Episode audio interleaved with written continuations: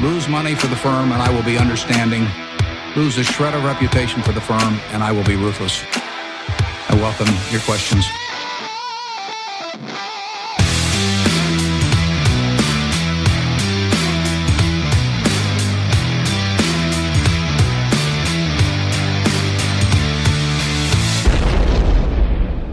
Hej och hjärtligt välkomna till Kvalitetsaktiepodden. Det är jag som är Ola. Jag som är Marcus. Ja, och det är jag som är Klas. Det här är avsnitt 108. Börjar bli Mm. ett gäng. Mm, det här är ett förinspelat eh, specialavsnitt som handlar uteslutande om vår investeringsfilosofi och lite grann hur vi agerar i praktiken då eh, när vi håller på med det här som vi gör. eh, och de två första avsnitten av podden, alltså introavsnittet eller det vi kan kalla avsnitt 1 och avsnitt 2, det här är länge sedan nu. Då gick vi igenom vår filosofi, då, på den tiden var det ju bara du och jag Ola. Och vi har åter tagit upp den i vissa frågeavsnitt. Mm. Senast i avsnitt 82 där vi cirka 5.30 in gör en snabb recap. Och sen då i avsnitt 101, det var inte länge sedan. Det var inte så länge. Då går Marcus igenom sin filosofi med kommentarer från både mig och Ola. Och Men vi, mm, Ja, precis. och vi får in eh, frågor och funderingar kontinuerligt så vi tycker att en uppdaterad och samlad version kan vara på sin plats. Och sen kan vi hänvisa nytillkomna lyssnare till den då. Smidigare. Så ingenting vi kommer prata om här idag är väl, kommer väl vara någon större nyhet för vana lyssnare. Nej. Möjligen att vi ska gå lite djupare in på det här med hur vi ser på ägarna. Än vad vi har gjort någon gång tidigare idag tror Jo, jag. stämmer nog ja. Mm, så det är alltid något litet Mm. nytt. Ja. Eh, Marcus plockar med sig en hel del spännande in till Mm. oss i podden här. Ja, eh, Cavalier. Ja, Mm. det är vår huvudsponsor. Ja, och de är med oss som vanligt även i det här specialavsnittet. Eh, Cavalier har ju två ben i sin verksamhet. Kapitalförvaltning och lite större förmögenheter, både för privatpersoner, familjer och företag. Inte minst så kallade trädarbolag. Och de har ju även eh, sin framgångsrika fondförvaltning då med deras båda fonder Cavalier Quality Focus och Cavalier Investmentbolags fond. Och all info eh, ni behöver för att kunna ta del av Peters och Håkans stockpicking hittar ni på cavalier.se. Och då ska man komma ihåg att historisk avkastning i fonder inte behöver vara en indikator på framtida avkastning, att ni kan förlora delar, delar av ert satsade kapital då fonder kan både gå upp och ner i värde. Och tack säger vi till vår huvudsponsor Cavalier AB. Mm. Och vi vill ju också som vanligt tacka vår samarbetspartner Börsdata. Värdeinvesterarnas bästa vän. Mm. Vi använder ju som bekant ofta historiken för att gissa framtiden. Men vi är ju även intresserade av bolagens rapporter, inte minst vd-orden, pressmeddelanden och insynshandel. Och allt det här finns ju samlat då på ett helt orimligt bra sätt hos Börsdata. Mm. Alla fundamentala investerare bör ha minst ett premiumkonto hos Börsdata. Ja. Ja. Och till de som inte har det än säger vi skyller själva. Och till de som har det vill vi säga grattis. Och tack säger vi till Börsdata. Mm. Och även om det är ett specialavsnitt så innan vi går vidare vill vi påminna våra lyssnare om att aktieinvesteringar alltid innebär ett stort risktagande. Aktier kan både gå upp och ner i värde. Satsa därför aldrig kapital på aktier som du inte är beredd att förlora. Det vi säger i podden ska aldrig betraktas som köp eller säljrekommendationer utan gör alltid din egen analys av bolagen innan eventuell handel. Mm. Jaha, innan vi sätter igång då med filosofi här Mm. så några viktiga grunder här Ja. för, för den som kanske lyssnar på oss för första gången här nu då. ja, vem vet? Man Vem kommer vet? in just här första. Just här kommer man in. Mm. Då, det är ju en bra, det är en bra start. Ja, kan jag tycka. Ja. Vi är fundamentala investerare. Mm. Vad innebär det då? Jo, vi tittar på vad bolagen gör och hur de presterar i första hand i sin verksamhet. Aktiens utveckling är sekundär för oss och representerar bara ett aktuellt pris på bolaget. Mm. Mm, så det vi gör är att vi försöker gissa bolagens framtida vinst och söker bolag med ett lågt pris på börsen i förhållande till, till de här vinsterna då. Vi, sy vi sysslar inte med att gissa på hur marknaden ska agera i en enskild aktie eller letar bolag utifrån olika makrohändelser eller försöker gissa vart en aktie ska gå ut, utifrån hur andra investerare tidigare agerat i aktien. Bolagen är vårt fokus då. Mm. Och för att göra det vi gör så det enda man egentligen behöver är Warren Buffetts visdomsord. Det är ju underbart. Ja, det räcker. Ja. Och det här har vi valt att översätta från engelska då för att eh, alla ska förstå. Han har sagt så här då, översatt av mig här nu. Oj, fritt. Fritt. Grundidén med investeringar är att se på aktier som bolag utnyttja marknadens svängningar till sin fördel och att söka en säkerhetsmarginal. Hundra år från nu kommer dessa idéer fortfarande utgöra grundstenarna inom investering.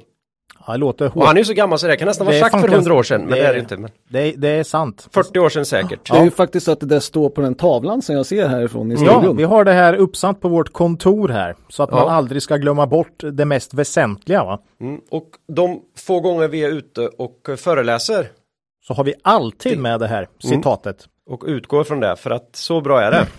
Men vi ska klä på den här nu lite mer eh, under en stund framöver här. Och eh, Det blir lite kort annars. ja, Buffett pratar ju om marknadens svängningar och det är ju en grund här då så att säga att eh, det finns här rationell marknadsteori och saker men eh, eh, Buffett och hans eh, läromästare Graham pratade ju om Mr. Market. Eh, och Marcus, är marknaden effektiv verkligen? Jo, nej, men vi brukar prata om Mr. Market. Eh, Det här är ju en allego- allegori från eh, Benjamin Graham som han skapade i The Intelligent Investor eh, för att beskriva marknadens svängning helt enkelt. Där pendlar ju Mr. Market mellan manodepressiv och överoptimistisk och ger bra lägen för både köp och sälj av aktier. Eh, och vår bild är att Mr. Market, det vill säga marknaden, inte är rationell på kort sikt, men att den är det på lång sikt. Eh, och därmed så finns det kortsiktiga felprissättningar som man kan utnyttja som investerare. Eh, Sen är det också vår bild att marknaden blir allt mer irrationell på kort sikt. Eh, Och det är ju liksom beroende på att det är mer och mer indexkap- in- indexkapital. Alltså fonder som köper utan analys bara på indexvikt och hur stort ett bolag är. Om de flyttas mellan Ja. ett index till ett annat och så Man är vidare. som någon slags förstärkare av de olika trender som finns. Ja, och, och, och funderar ju inte alls över värde. Sen finns det mer och mer flockbeteenden, alltså olika som, som följer andra investerare. Det finns momentumstrategier som allt går ut på att liksom egentligen köpa samma som alla andra. Men man kollar inte på underliggande tillgång egentligen och räknar på det utan Nej, många bryr sig ju inte överhuvudtaget för, för underliggande. Nej. Det är bara en, en, en, en tickerkod. Ja. Eh, det finns ju mer och mer robothandel. De handlar ju efter någon sorts strategi men det är ju inte den typen av strategi vi brukar prata om. Eh, så att det, det, den är mer och mer irrationell på kort sikt. Eh, men det här är ju inget att vara ledsen över, Nej, nej. jag. Eh, för om du tänker så här, vem vill du handla av om du handlar på börsen? Vill du handla av någon som inte har funderat över prissättning alls, det vill säga en, någon fond eller en robot? Eller vill du handla av en investerare som Ola, som har funderat på värdering? Jag vet ju vad jag skulle välja i alla fall. Vem du helst köper och Ja. säljer till. Nej men eh, irrationell marknad är grundförutsättning för att en rationell värdeinvesterare ska kunna tjäna pengar. Och Ja. det är det som KAP lever på. Mm. Ehm, sen, sen är det ju liksom värt att tänka på att eh, på lång sikt så är marknaden rationell i vår bild. På fem till tio års sikt då, då går aktiekurserna som, som bolaget utvecklas. Ehm, men, men inte på kort sikt. Ehm, och värt att tänka på också, på lång sikt så går ju börserna generellt sett uppåt. Ehm, har ju visat sig vara en fantastisk eh, sätt att placera sina pengar på. Mm. Så att, eh, Mm. men jag för mig jag läste någonstans att eh, genomsnittsbolaget eh, förra året eller om det var i år rörde sig mer än 50 procent. Mm. Vilket är ju fantastiskt med tanke på att bolagsvinsterna lär ju inte ha pendlat med mer än 50% på ett år. Nej, det här har jag läst och hört flera gånger tror jag. Eh, jag vet Peter Lynch har något YouTube-klipp eh, där han har en föreläsning eh, på 90-talet tror jag. Där han också säger, att Förman säger just det, att eh, look at last year. Det var liksom genomsnittsbolaget har rört sig 50 procent medans un, under året. Mm. Alltså aktien menar jag. Mm. Men vinsten inte alls har rört inte sig. På, någonting. nej, så att Mm. eh, det är oerhört intressant det där och utnyttja de här tillfälliga eh, manodep- ja, manodepressiva. Marknaden skjuter över både upp och, uppåt Ja, och neråt. Liksom. Du ska ju helst sälja då till den här optimistiska personen och så ska du ju köpa från den här manodepressiva. Mm. Det låter lite kallt och kalkylerande men, Men jo, Mm, mm. det är ju så. men det är ju en marknad där. Det är ju så. Det- Men, men roboten har inga känslor. Nej, roboten har inga de, känslor. de handlar vi gärna av. Mm. Mm. Eh, ja, nej, det är väl en viktig ingång för varför vi tycker att det kan vara värt att lägga ner så mycket tid. Eh, som vi faktiskt gör på det här, att marknaden eh, hamnar snett. Och vi uppfattar att, eh, om någonting annat då än vad marknaden i stort gör då. Men för att bryta ner det här till mer handfast filosofi och strategi så finns det ju, vi behöver, det här investeringsproblemet då har ju några grunddelar. Och vilka bolag köper vi till exempel? När ska vi köpa? Och när ska vi sälja? Det är ju tre, tre grunder Det är bra frågor. Ja, Mm. och vi får ta dem i någon slags eh, turordning. Men Ola, du kan ju börja svara på vilken typ av bolag söker vi efter? Ja, eh, Först och främst så söker vi ju bolag vars verksamheter vi tycker att vi har en rimlig möjlighet att förstå då. Mm. Eh, det är liksom viktigt att förstå hur ett bolag tjänar sina pengar. Annars är det liksom svårt att, att sia. om- Och, och kunna känna att man kan på något sätt veta vilken risk som finns förknippad. Ja, är ju viktigt här. exakt. Eh, vi investerar dessutom bara i bolag som tjänar pengar. Det vill Den säga- är jätteviktig, det rensar bort otroligt mycket bolag. alltså, det är jättemånga bolag där ute som inte gör vinst. Jag Mm. har sett statistik på det där för Stockholmsbörsen, men det, det är liksom jäkligt många bolag som gör förlust helt enkelt. Alla de ryker här då. Mm. Eh, och inte bara vinsthistorik här, utan de ska helst ha en stabil och ökande lönsamhet och så vidare. Mm. Eh, alla förhoppningsbolag, forskningsbolag etc. är borta här då. Eh, vi vill investera i bolag vars omsättning ökar över tid, för utan omsättningsökning blir det svårt att öka vinsten över tid. Eh, en fördel med stabila bolag som tuffar på är ju att det är hyggligt lätt att gissa framtiden också. Mm. Vilket Nog så vi viktigt. ofta tycker är bra då. Eh, ja, det är klart, det, det minskar risken och vi hatar ju risk. Vi brukar ofta säga att vi vill vara bäst på riskjusterad avkastning. Jajamän. Mm. Eh, och ja, det är klart, vi undviker helst negativa överraskningar så långt så att vi går miste om en hel del positiva case. Eh, men vi tycker det är värt det för att slippa de negativa helt enkelt. Mm.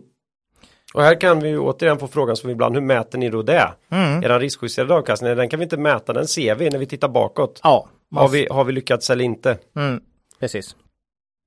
Vi föredrar, eh, ska man säga, om vi tar storlek, där midcap, ish.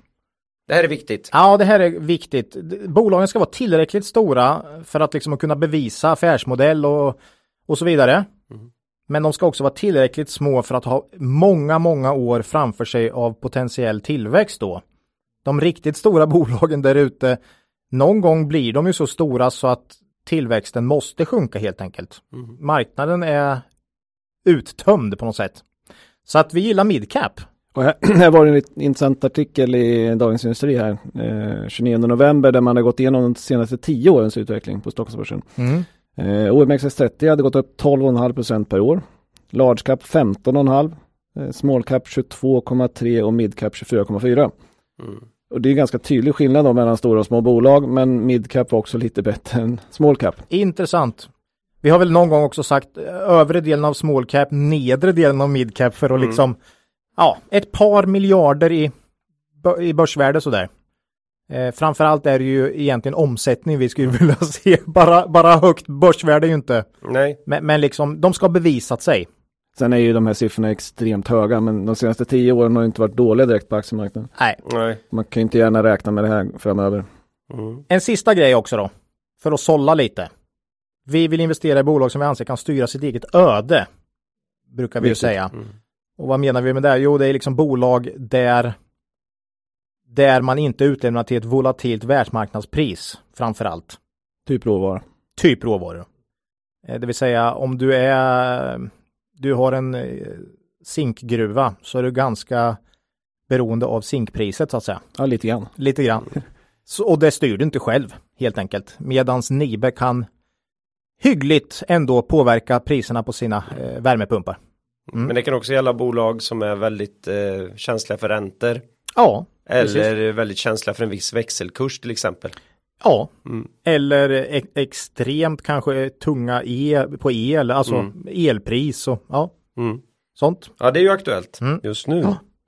Nej, men så där har vi Mm. lite vad vi söker efter och inte söker efter. Mm. Och sen då ska vi bara säga något väldigt eh, kort om här då, just när vi ska köpa då, när vi har hittat sådana här bolag. Mm. Eh, det finns en grundgrej. Vad är det vi söker Ola? Ja, vi Buffett var inne på det. När vi har tillräckligt MOS, margin of safety, alltså säkerhetsmarginal på svenska. Mm. Hur mycket brukar vi vilja ha då? Ja, minst 20-30% potential till vårt eget framräknade motiverade värde på aktien. Mm. Okej, så det här är ju ingenting du hittar på börsdata direkt. Nej, tyvärr inte, nej. Nej. nej. Så då var du inne på något Och, spännande och här. alla kommer ju förmodligen fram till lite olika grejer när Ja. de räknar och Mm. ja. Ja, men så är Men det. här har du något väldigt viktigt nu. Vårt eget Ja, motiverade framräknade värde. Hela grunden och det som är så förbaskat jobbigt i det vi gör här. ja det är ju så. Vi måste hela tiden själva ha en åsikt om vad en, vad en aktie ska kosta eller aktie är värd i det här bolaget. Det innebär att vi har en idé om vad hela bolaget är värt. Ja, och så jämföra Hela det tiden. Med nu, nuvarande börsvärde. Mm. Och det här är ju inte helt enkelt. Eh, För att göra det då, så bryt, den, där gör vi en övning i två delar. Och eh, innan vi går in på den så ska vi vara lite så här dåligt pedagogiska här. För vi, gör, vi försöker göra det här på ett väldigt enkelt sätt. Ja, För vi tror inte på att man kan Det finns så stora osäkerheter förknippade här ändå. Men vi upplever att det kanske finns eh, lite, lite svåra sätt att göra det här på som inte är så bra. Vad, vad skulle det kunna finnas där Marcus? Nej men vi brukar ju säga att eh, aktieinvesteringar är ju inte vetenskap. Alltså man vet inte exakt värde eh, men det är inte helt nödvändigt heller för att lyckas med investering. Det, det är bättre att ha ungefär rätt än exakt fel. För det finns ju ett teoretiskt rätt sätt att värdera en aktie och det är ju diskonterat kassaflöde, eh, kassaflödesvärdering. Det ger ett exakt rätt värde men det är väldigt mycket antaganden. Grundkonceptet är ju såklart att du beräknar alla kassaflöden i bolaget till evig tid och diskonterar ner de här med en, med en, en, eh, en diskonteringsränta till nuvärde. Och så jämför man det med, med vad bolaget är värt just nu. kunde man det, då hade man ju fått exakt. Då blir, det, Ja. det blir teoretiskt Ja. rätt. Mm. Men problemet är att man gör jättemånga antaganden i modellen. Du ska uppskatta tillväxten i evig tid, vad ska den vara? Du ska sätta en diskonteringsränta och så vidare. Och det här gör att modellen blir enormt känslig för dina antaganden. Mm. Eh, Bara valet av diskonteringsränta slår enormt hårt på värdet. Eh, Så det kan, skruvar man på det så kan man få väldigt stora svängningar. Och det här gör att den är ganska svår att tillämpa i praktiken, tycker vi. Eh, Den är jättebra för scenarioanalys, det vill säga man kan se hur bra blir det om det blir riktigt bra och Mm. hur dåligt blir det om det blir riktigt dåligt. Sant. Mm. Men det är väldigt svår för ett exakt värde eftersom om du bara skruvar lite grann på, på, eh, på ränteparametern så kommer liksom värdet fluktuera väldigt mycket upp och ner. Så att, och, sen, och sen den är väldigt, den tar lång tid att bygga upp en hel kassaflödesmodell om man ska göra det bra. Mm. Eh, och ett problem då med att lägga enormt mycket tid på ett case eh, med, med den här typen av värderingsansats är att det blir lite pot committed. Eh, Ja, det är ju då en eh, pokerterm som ange, anges för när du har satsat så mycket i en pokerpott att du måste syna ner sista bettet eh, ändå, trots att oddsen är ganska dåliga för att du ska vinna. Analogin här är ju såklart att har du lagt ner väldigt mycket tid på en analys så, eh, så, så går du in och köper aktien för annars känns det som bortkastat. Mm.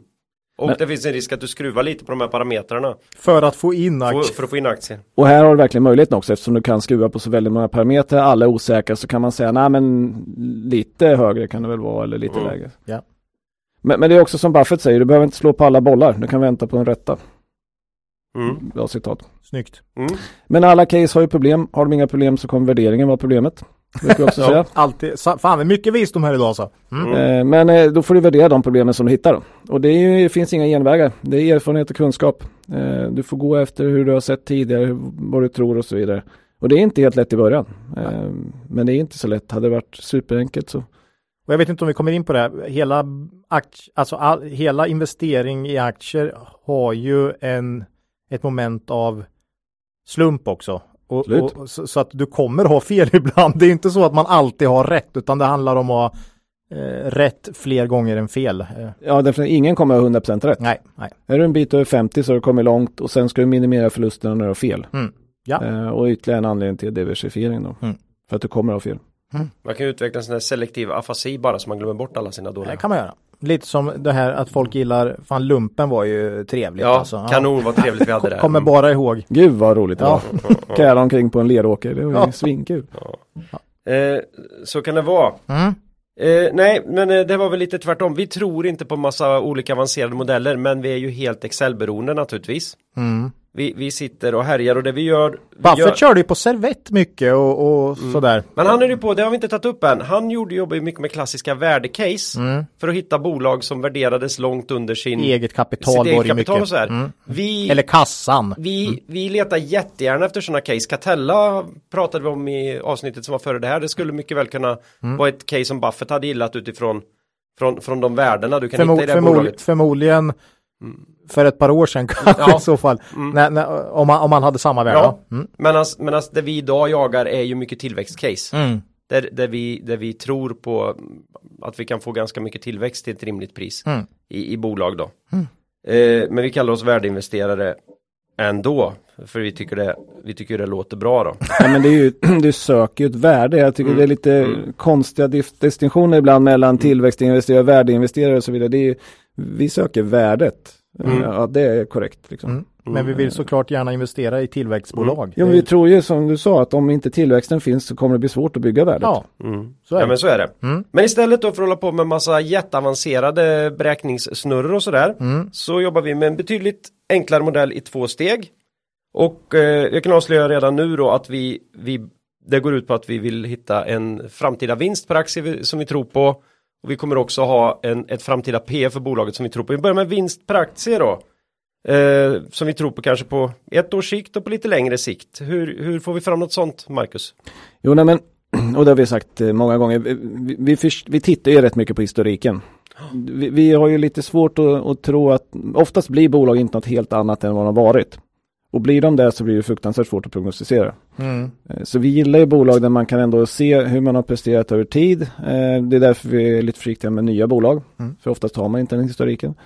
Eh, Vi tittar på hur man, till exempel lågkonjunkturstestet som vi körde i något avsnitt tidigare. Kan Det är man- så länge sedan det var lågkonjunktur så man tänker liksom inte ens Ja, som tur är får vi bara mer och mer data finns. av börsdata så vi kan ta oss tillbaka till sådana Ja. tider. Men, eh, ja. Nej men det är klart det kan hända igen. Det vore ju, Ja det är självklart det kommer hända. Ja. Mm. så att, eh, titta på hur man presterat då. Viktig riskparameter för oss.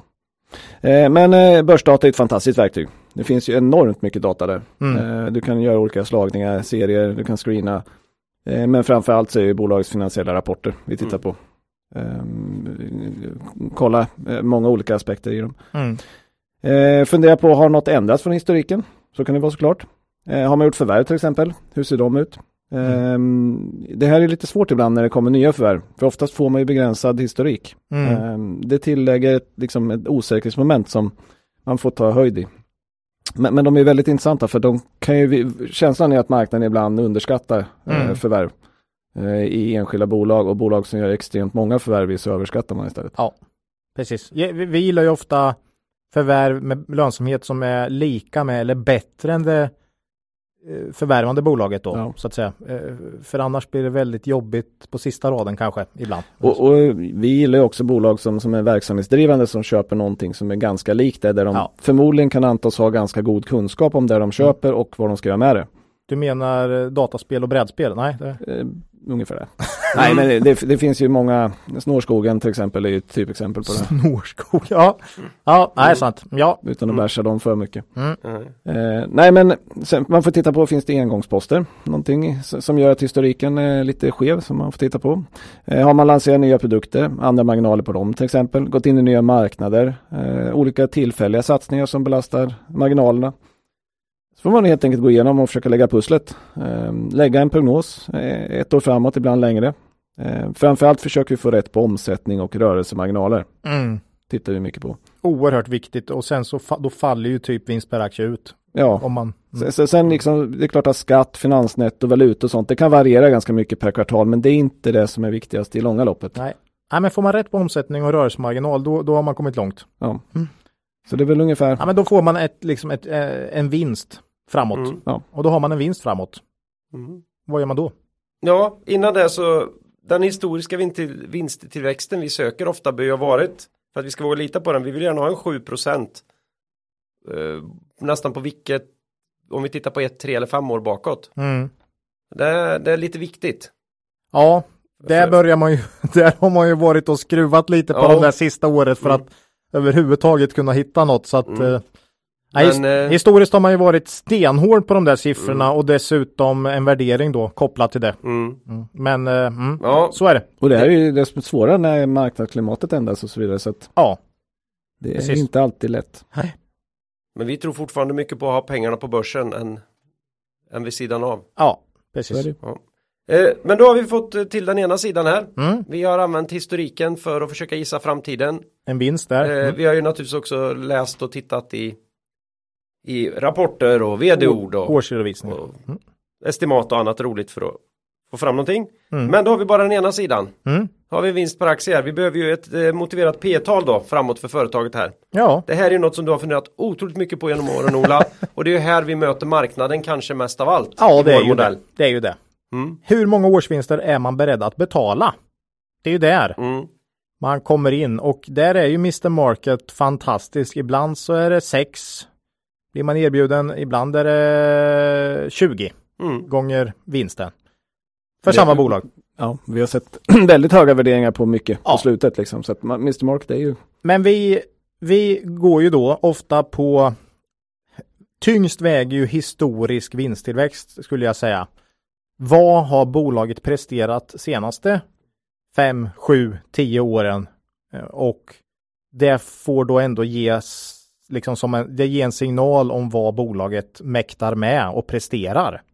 det är lite samlingsbild över hur bra de har lyckats. Så det är ju ganska sannolikt att det kan tänkas fortsätta. Mer sannolikt än att något ska bli något som det inte har varit tycker jag alltid. Eh, att ett dåligt bolag ska bli bra är ju mindre sannolikt än att bra bolag ska fortsätta vara bra på något sätt. Så brukar det vara. Så att eh, men vi kollar mycket på vinsttillväxt, vi koll- kollar på framtidspotential, det vill säga vad är sannolikheten att det här ska fortsätta då? Eh, ja, har marknadsförutsättningarna förändrats med andra ord. Vi kollar också på historisk PE som börsen har betalat för det här bolaget, för det visar ändå på, ja okej, mm, eh, så här mycket tycker börsen över tid att det här bolaget har eh, varit värt. Mm. Och sen så tittar vi ju på bransch också för att eh, försöka få fram något rimligt P. Olika branscher bör ju ha lite olika P baserat på stabilitet och, och framtidsförutsättningar och sådär. Mm. Eh, grovt så brukar ju vi säga att 10% vinsttillväxt bör motivera ungefär 15 i P då. Och det är ju om man sätter avkastningskrav till 10% och har någon form av ekonomisk livslängd på 15 år. Men det här har ju lite satts ur spel senaste åren med nollräntor och, och så vidare. Men, men över tid så har det ju det funkat hyggligt bra, förutom senaste fem åren då, om vi säger så.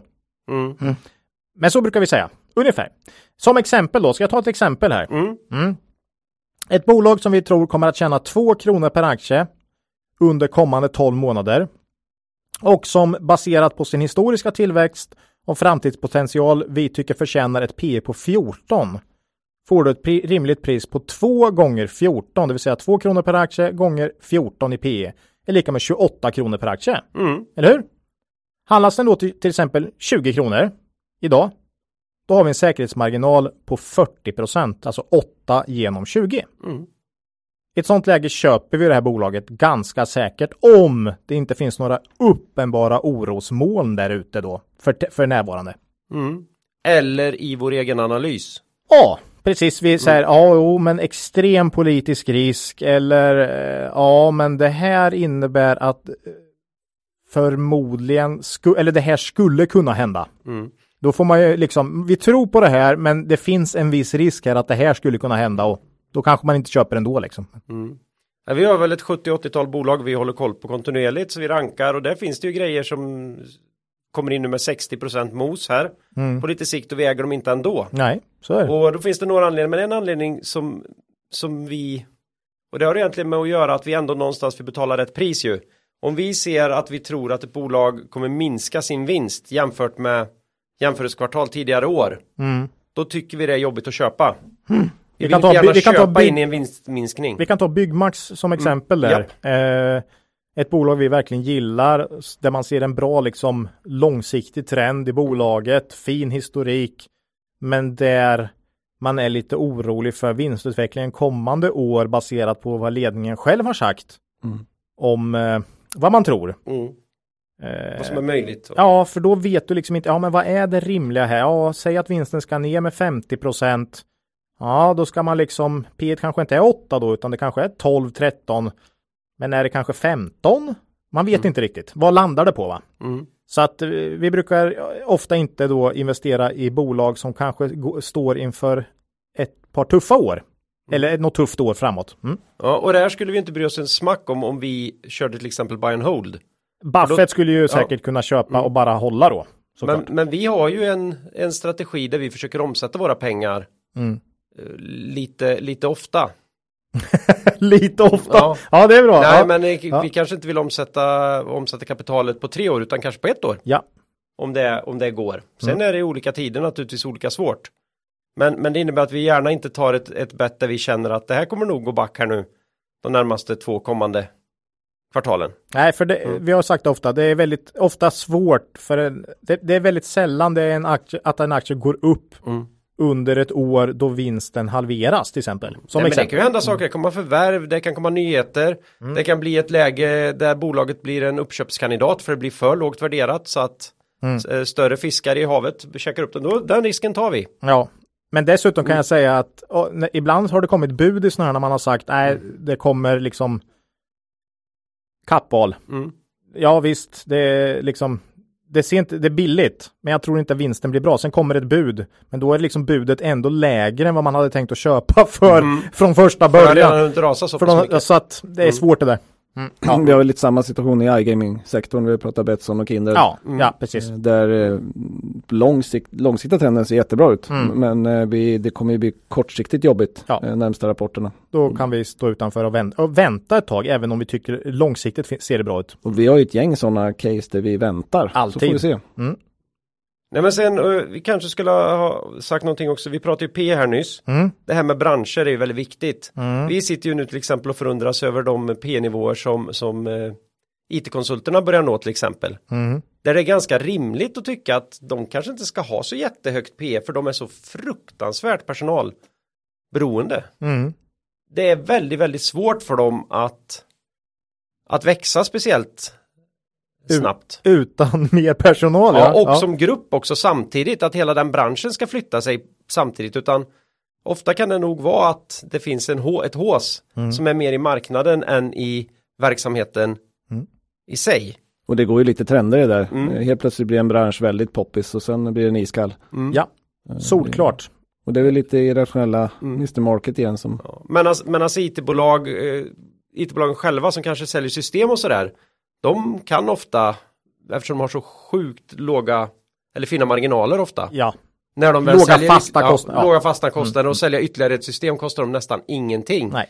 Där kan vi förstå varför de ofta ligger på ganska höga P-tal. Eh, För de Sant. försvarar dem väldigt lätt ofta. Ja. det är skala på ett helt annat sätt. Ja. Så det är bransch är viktigt, banker, finans, samma sak där. Mm.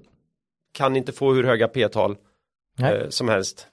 Därför är de här digitala affärsmodellen extremt intressanta. För att det de- skalar så bra. Ja. Mm. Eh, Problemet för oss är att de ofta blir fantastiskt dyra. ja, men ibland. Men ibland. Ibland. Det, det, det är ju de bästa tillfällena man får köpa så här, extrema kvalitetsbolag till ett eh, vettigt pris alltså. Man vet aldrig. Då blir man Market kan- förbannat glad alltså. Mm. Mm.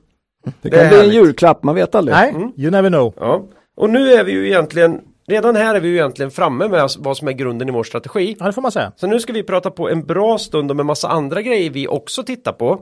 Är det lite In- så innan vi köper. regler som bekräftar?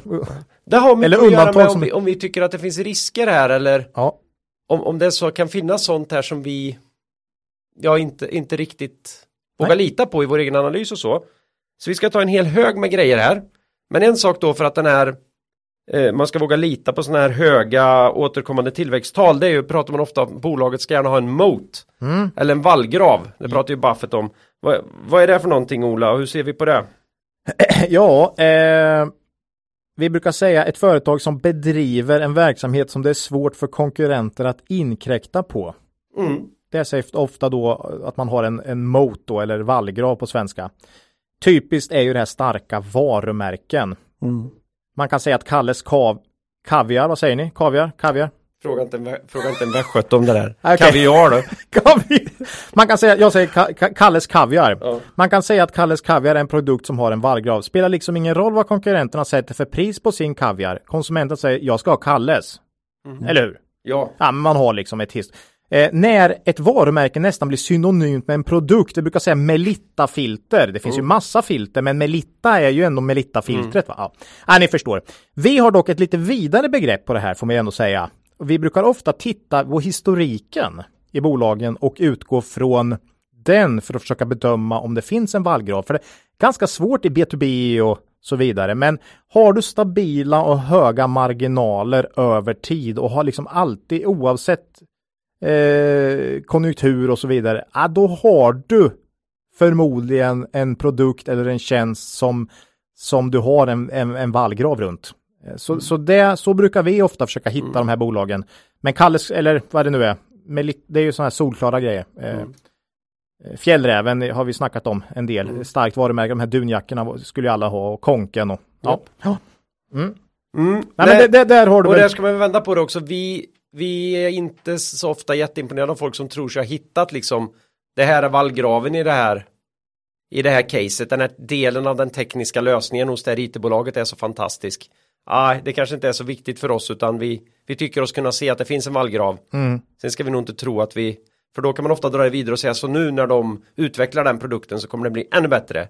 Mm. Och då tror vi att man är ganska långt ifrån vad funda- fundamental analys Mm. egentligen handlar om. Ofta kan det också vara verksamheter fruktansvärt svårt att dra igång Mm. vissa verksamheter. Det kan ta en jättelång tid att starta upp en verksamhet. Mm. Vissa verksamheter är väldigt lätta att dra igång.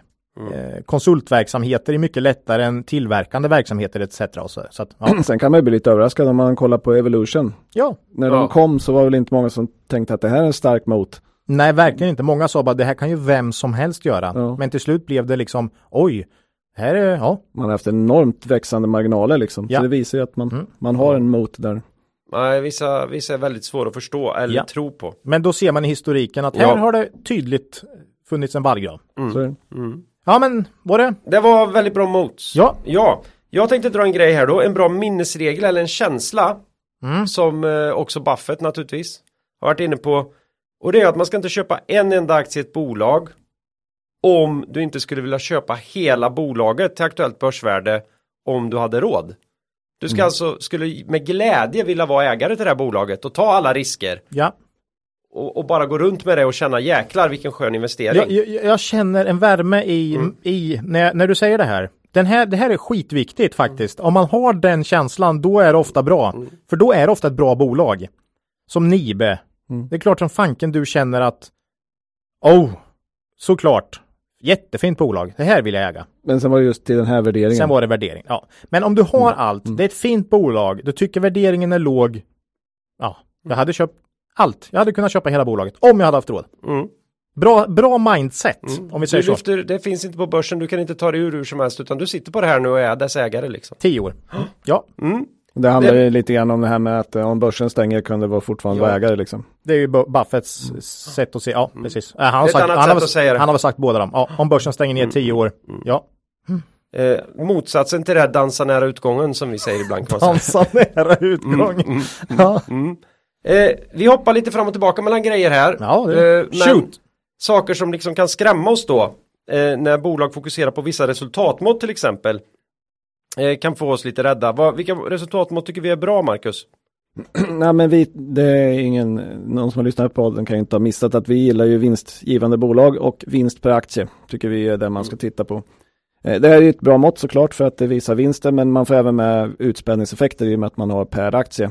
Eh, Det finns ju en hel del förvärvsintensiva bolag där ute som gärna pratar olika resultatmått som inte är vinst per aktie. De brukar ju se jättefina ut, ökar ebitda eller vad det är. Men eh, om man då justerar det här för utspädningen så blir det inte lika bra. Så att, Desto längre ner resultaträkningen kommer, desto sämre ser det ut på något sätt. Mm. Det, ja. och sen slår man ut det per aktie så blir det ännu sämre. Ja. För man eh, förvärvar mycket nya aktier. Mm. Eh, se upp för det, Mm. tycker vi. Eh, sen många andra bolag lyfter också fram eh, resultatmått väldigt högt upp. Justerade ebitda och så vidare. Mm. Också lite farligt. Eh, och Charlie Munger har ju uttryckt sig ganska kärnfullt när han sa I, eh, I think that every time you see the word ebitda you should substitute the word with bullshit earnings. Vad är det man brukar säga? Eh, barn och pensionärer säger, Och alkoholister. säger, Mm. Säger säger, sanningen. ja, säger sanningen. Mm. Nej, han är kärnfull. Mm. Mr Munger. Ja. Eh, nej, men det är många justerade mått där ute, har vi sett. Och det har blivit mer och mer tycker jag hela tiden. Mm. Eh, hittills har vi aldrig stött på någon som justerat till ett resultat som blir sämre. det, Jag skulle tro att BTS var ju nästan där när man vägrade när man vägrade ta fram sina jämförelsetal under pandemin här utan insisterade på att peka på Nej, ofta är det justerad ebitda, liksom, ja, då är det 10% över nu, alltså riktig ebitda då, Mm. typ. Ja, ofta är det så, ja nej, men man får, måste titta på vad man justerar för och så där, eh, för att få en eh, helhetsbild. Då. Eh, sen är det ju många förlust eller förhoppningsbolag då, eh, med förluster, det funkar ju inte vinstmått av naturliga skäl då. Eh, och då har vi ju sett ganska mycket, man pratar om TAM, Total Addressable Market. Det är alltså möjlig marknad som bolag skulle kunna ta och så sätter man den jättestor och så säger man om vi bara får 10% av hela den här världsmarknaden då är bolaget värt hur mycket som helst. Mm. Här tror vi det är en fruktansvärt stor risk för det är ju ganska lätt att överdriva både marknadens storlek men framförallt hur bolagets eh, liksom, stora Mm. andel man ska kunna ta. ja. Och det är oftast inte så lätt som att man liksom, ja men vi tar 10% av världsmarknaden. Stay out alltså. Mm. Det, vi, vi vill ju att man ska bevisa att det här faktiskt funkar först och man tjänar pengar. Nej, men eh, det är ingen, det, vi behöver ju inte utsätta oss för dem för vi jobbar ju bara med bolag som gör vinst. Så det ska finnas en vinst per aktie annars så Försvinner de från försvinner våran... de från oss. Mm. Och här kan det vara så att vi rensar ju med glädje för engångsgrejer i bolag. Det är klart att ett bolag kan visa minus på börsdata i ett enstaka år. Om vi då vet varför det är så. Mm. En, en, engångshändelser rensar vi ju för. Ja. Det ska man ha väldigt klart för sig. Men det kan också slå åt, bo, åt andra hållet. Det kan finnas bolag som ser ut att ha fina vinstserier där vi säger att nej, nej, nej, nej, nej. Jäklar. Här gömmer ni, här gömmer ni ju grejer i era aktiverade Ja. utvecklingskostnader och annat. Eller en positiv effekt Mm. ett år och så ser P jättelågt ut då. Men, men vi tror ju här, här kommer vi missa en del bolag Ja, herregud. som gör genombrott. Men, men det här handlar ju om att ta ner risken. Mm. Eftersom många av de bolagen som kanske har den här typen av eh, liksom etta, nolla eh, potential, potential eh, har hög risk också. Vi kör bara ett varv till i Proact istället. Så. Ja. Så, Nej men man ska bra. veta, det är många bolag vi sållar bort som hade, som e- i efterhand har varit väldigt bra investeringar men på förhand oerhört svårt tycker vi att Mm. veta. Men, men här måste jag säga, du Ola har ju en fantastisk förmåga att inte ha FOMO. Ja den... eh, Fear of missing out. Ja. Fear of missing out. Ja den, den slipper jag ofta. Mm. Mm, inget som stör mig särskilt mycket faktiskt. Eh, Du brukar alltid säga, ja, liksom, det är klart att den går upp men det spelar inte med roll. Jag Nej. bryr mig bara om de aktierna jag äger. Ja, precis. Men, Men det här, jag vet inte om vi kommer till det, men det här säger vi ju väldigt ofta i podden att det viktigaste är inte att att, att eh, räkna exakt rätt eller liksom vara så här jätteduktig på att hitta den där utan det är ju mental stabilitet. Ja men det är att viktigt. faktiskt kunna kontrollera sina känslor, det är tyvärr det viktigaste. Ja det är vi och, och, och det är många tyvärr faller på till slut. Eh, Åt båda håll. ja, du kan vara världens smartaste människa och ändå falla för grupptryck eller vad det nu är. Mm. och de här flockbeteendena är ju jättefarliga men och problemet är, tittar man liksom på Avanza Nordnet statistik, jag menar de fick flest aktieägare i Fingerprint, liksom 20% från toppen ungefär. Mm. Så jätte, redan när det hade fallit 50% då var majoriteten, hade gjort förlust liksom. Ja. För det blir den där FOMO-känslan, du måste in för att alla andra tjänar pengar i den aktien Ja. och då hoppar du in och då hoppar du in nära någon topp. ja. Nej, så är det. Du följer efter alla andra. Så disciplin är ju Fan, den har vi knappt, vi har ju knappt kommit, vi har inte pratat mycket om disciplin och Nej men jag tog det lite mental här. stability. Bra Claes, den var viktig, för, för den är ju ändå, allt vi säger här så är ju ändå på något sätt det där att försöka undvika de här eh, mentala fällorna, eh, viktigt. Ja, Mm. Ja, vi kommer ju naturligtvis å- få återkomma till dem igen Mm. längre fram. ja, Mm. Eh, idag pratar vi mer om själva grundstrategin och filosofin här. ja. Eh, vi har varit inne på det här men vi repeterar några grejer här också. Va? Mm. Vi, vi nöjer oss ju inte med att bara vinsten ska växa utan även omsättningen. Mm. Vi kanske ska tycka på varför är det här så viktigt igen. Ja, nej men säg att du filar på din lönsamhet. Du kanske omorganiserar, eh, eh, styckar av eller säljer mindre Pressar lönsamma delar. Pressar dina underleverantörer, slår ihop kontor etc. Ja, då kan du få upp vinsten med, med, med samma omsättning eller till och med minskande omsättning Mm. under ett antal år. Men till slut så kan du ju inte få ut mer vinst på en omsättningskrona. Eh, så grunden för långsiktig vinsttillväxt är ju att du säljer mer och mer år för år. Omsättningen ökar. Så att därför är omsättningstillväxt väldigt väsentligt för den långsiktiga vinsttillväxten. Mm. Loomis filade ju under många år eh, 2010 till 2015 ish. Mm. Fantastiskt på sin lönsamhet och vinsttillväxten jättebra men omsättningen var ju inte alls i paritet med, med vinsttillväxten då. Så att eh, det går bara till en viss del. Mm. Så därför är det jätteviktigt att, att kolla att det är bolag som ökar omsättningen. Mm. Och framförallt kan öka omsättningen framåt. Då. Så är det. Och sen eh, byter vi ben igen här nu då. En annan del som vi tittar på innan vi köper. Och det här har med risk att göra igen. Det är ju det här med balansräkningen. Hur man finansierar sin verksamhet så att säga. Vad är, vad är det viktiga för oss i balansräkningen Marcus? Nej, men man kan ju börja med att säga att i, i goda tider så bryr sig inte så många om balansräkningen. Men när det blir dåliga tider då är den extremt viktig. Eh, vi brukar ta som favoritexempel Hexagon i finanskrisen som man kunde köpa till en extremt låg värdering och det var ju för att folk verkligen tvivlade på om man skulle överleva överhuvudtaget. Ja. Vilket i efterhand känns ganska absurt när det är ett så Jag tror det var stort bolag. P6, P6 någonting för Hexagon. Ja. Mm. Och Men det de, de hade ju mycket skulder och har alltid drivit verksamheten med, mycket, med hög skuldsättning då. Och det ses ju det ses som en fullständig icke-fråga i goda tider. Ja, men Eh, så fort det blir kris då jäklar är det fokus på skulderna alltså. Ja. Mm. Så att eh, titta på riktiga tillgångar, inte på goodwill. Eh, goodwill då är ju restposten som blir när man köper något för över bokfört värde. I IFRS då så måste man ju när man köper över bokfört värde försöka dela ner den här restposten då som man inte kan hitta direkt värde på i ja, IP-rättigheter, patent, eh, olika typer av sådana immateriella tillgångar och sen får man en restpost och den säger man det här är goodwill. Mm. Och numera skriver man ju inte av den där eh, löpande, eh, vilket man gör i, i svensk redovisningsstandard då. Men eh, i eh, IFRS så gör man nedskrivningstester av den där istället. Varje år. Varje år. Ja. Ehm, eller om du har indi- indi- indikationer på att det har blivit sämre så att säga. Ja. Eh, det här låter ju fint men i praktiken så innebär det att man gör nedskrivningar när man byter vd.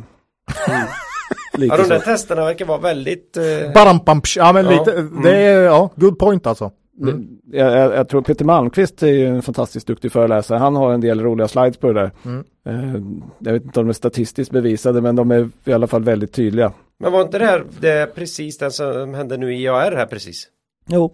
När man nu byter ledningen i IAR Ja, och mycket av de här grejerna som vi pratade om för flera år sedan, vad är det här för Mm. förvärv? Det här ser ju helt sjukt ut. Och nu är plötsligt, de har klarat en massa sådana här tester uppenbarligen. Men nu är plötsligt Nej då, nu går det inte längre. nu gick det inte längre. 110 miljoner eller vad det var. Mm. Ja. Jättenedskrivning liksom. Mm. Nej det är, det, är inte, det är faktiskt inte första bolaget och det är inte sista heller. Nej. Nej. Eh, nej men eh, kolla också aktiveringar.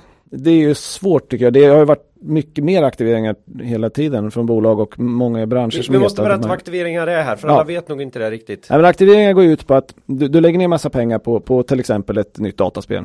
Eh, och så säger du så att ja, men jag kommer ju sälja det i framtiden och då kommer jag få en intäkt då. Ja, men då aktiverar jag kostnaden så länge. Så jag för upp dem som en tillgång och tar inte kostnaden nu. Utan när jag börjar sälja spelet så börjar jag också skriva av de aktiverade kostnaderna. Då får man en matchning mellan intäkter och eh, kostnader som gör att man får ett mycket jämnare och kanske mer rättvisande resultat. Mm. Ja. Och det är ju en bra tankegång. Det är en bra tanke den här matchningen, men, Mm. men, men Men det är svårt också, Ja. för, för det är ju jättesvårt för en utomstående att veta vad, är, vad ligger i den där posten med aktiveringar och hur pass säker kan man vara på att den faktiskt kommer generera intäkter. det är ju främst digitala bolag skulle jag säga. mycket digitala My- bolag, men det är mycket utveckling, bolag som har ut, stora forskningsprojekt Ja, och sånt. ja, forsknings utvecklingsbolag. Ja. Mm, ja. Och, och, och man kan ju se problemet, ta Paradox. Helt plötsligt skrev de av jättestora belopp från projekt som de inte ens har sagt att de höll på med. Hur ska man kunna veta det? Nej, det går ju inte. Nej, Det, det förstår man ju. Så att det, det här är en post som man ska ha lite koll på. Mm. Det är teoretiskt korrekt men, men, det är inte helt lätt för en utomstående. Och det är ju ett väldigt smidigt sätt för en för en företagsledning att, att frisera lite grann.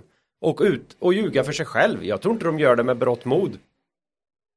Utan eh, man bara man bara gör det helt enkelt. Ja. Och sen eh, Nej, men blir det, det en det, vana. det, och, det är inte helt lätt för dem heller. Att veta exakt hur mycket kan vi aktivera, när kommer vi få intäkterna och så vidare. Så att, Mm. men det är en eh, stor post i många bolag, Mm. men en väldigt svår post. Ja. Vi har ju tagit upp det här i samband med Eworks eh, utveckling av deras eh, nya programvara som jag aldrig kommer lära mig vad den heter.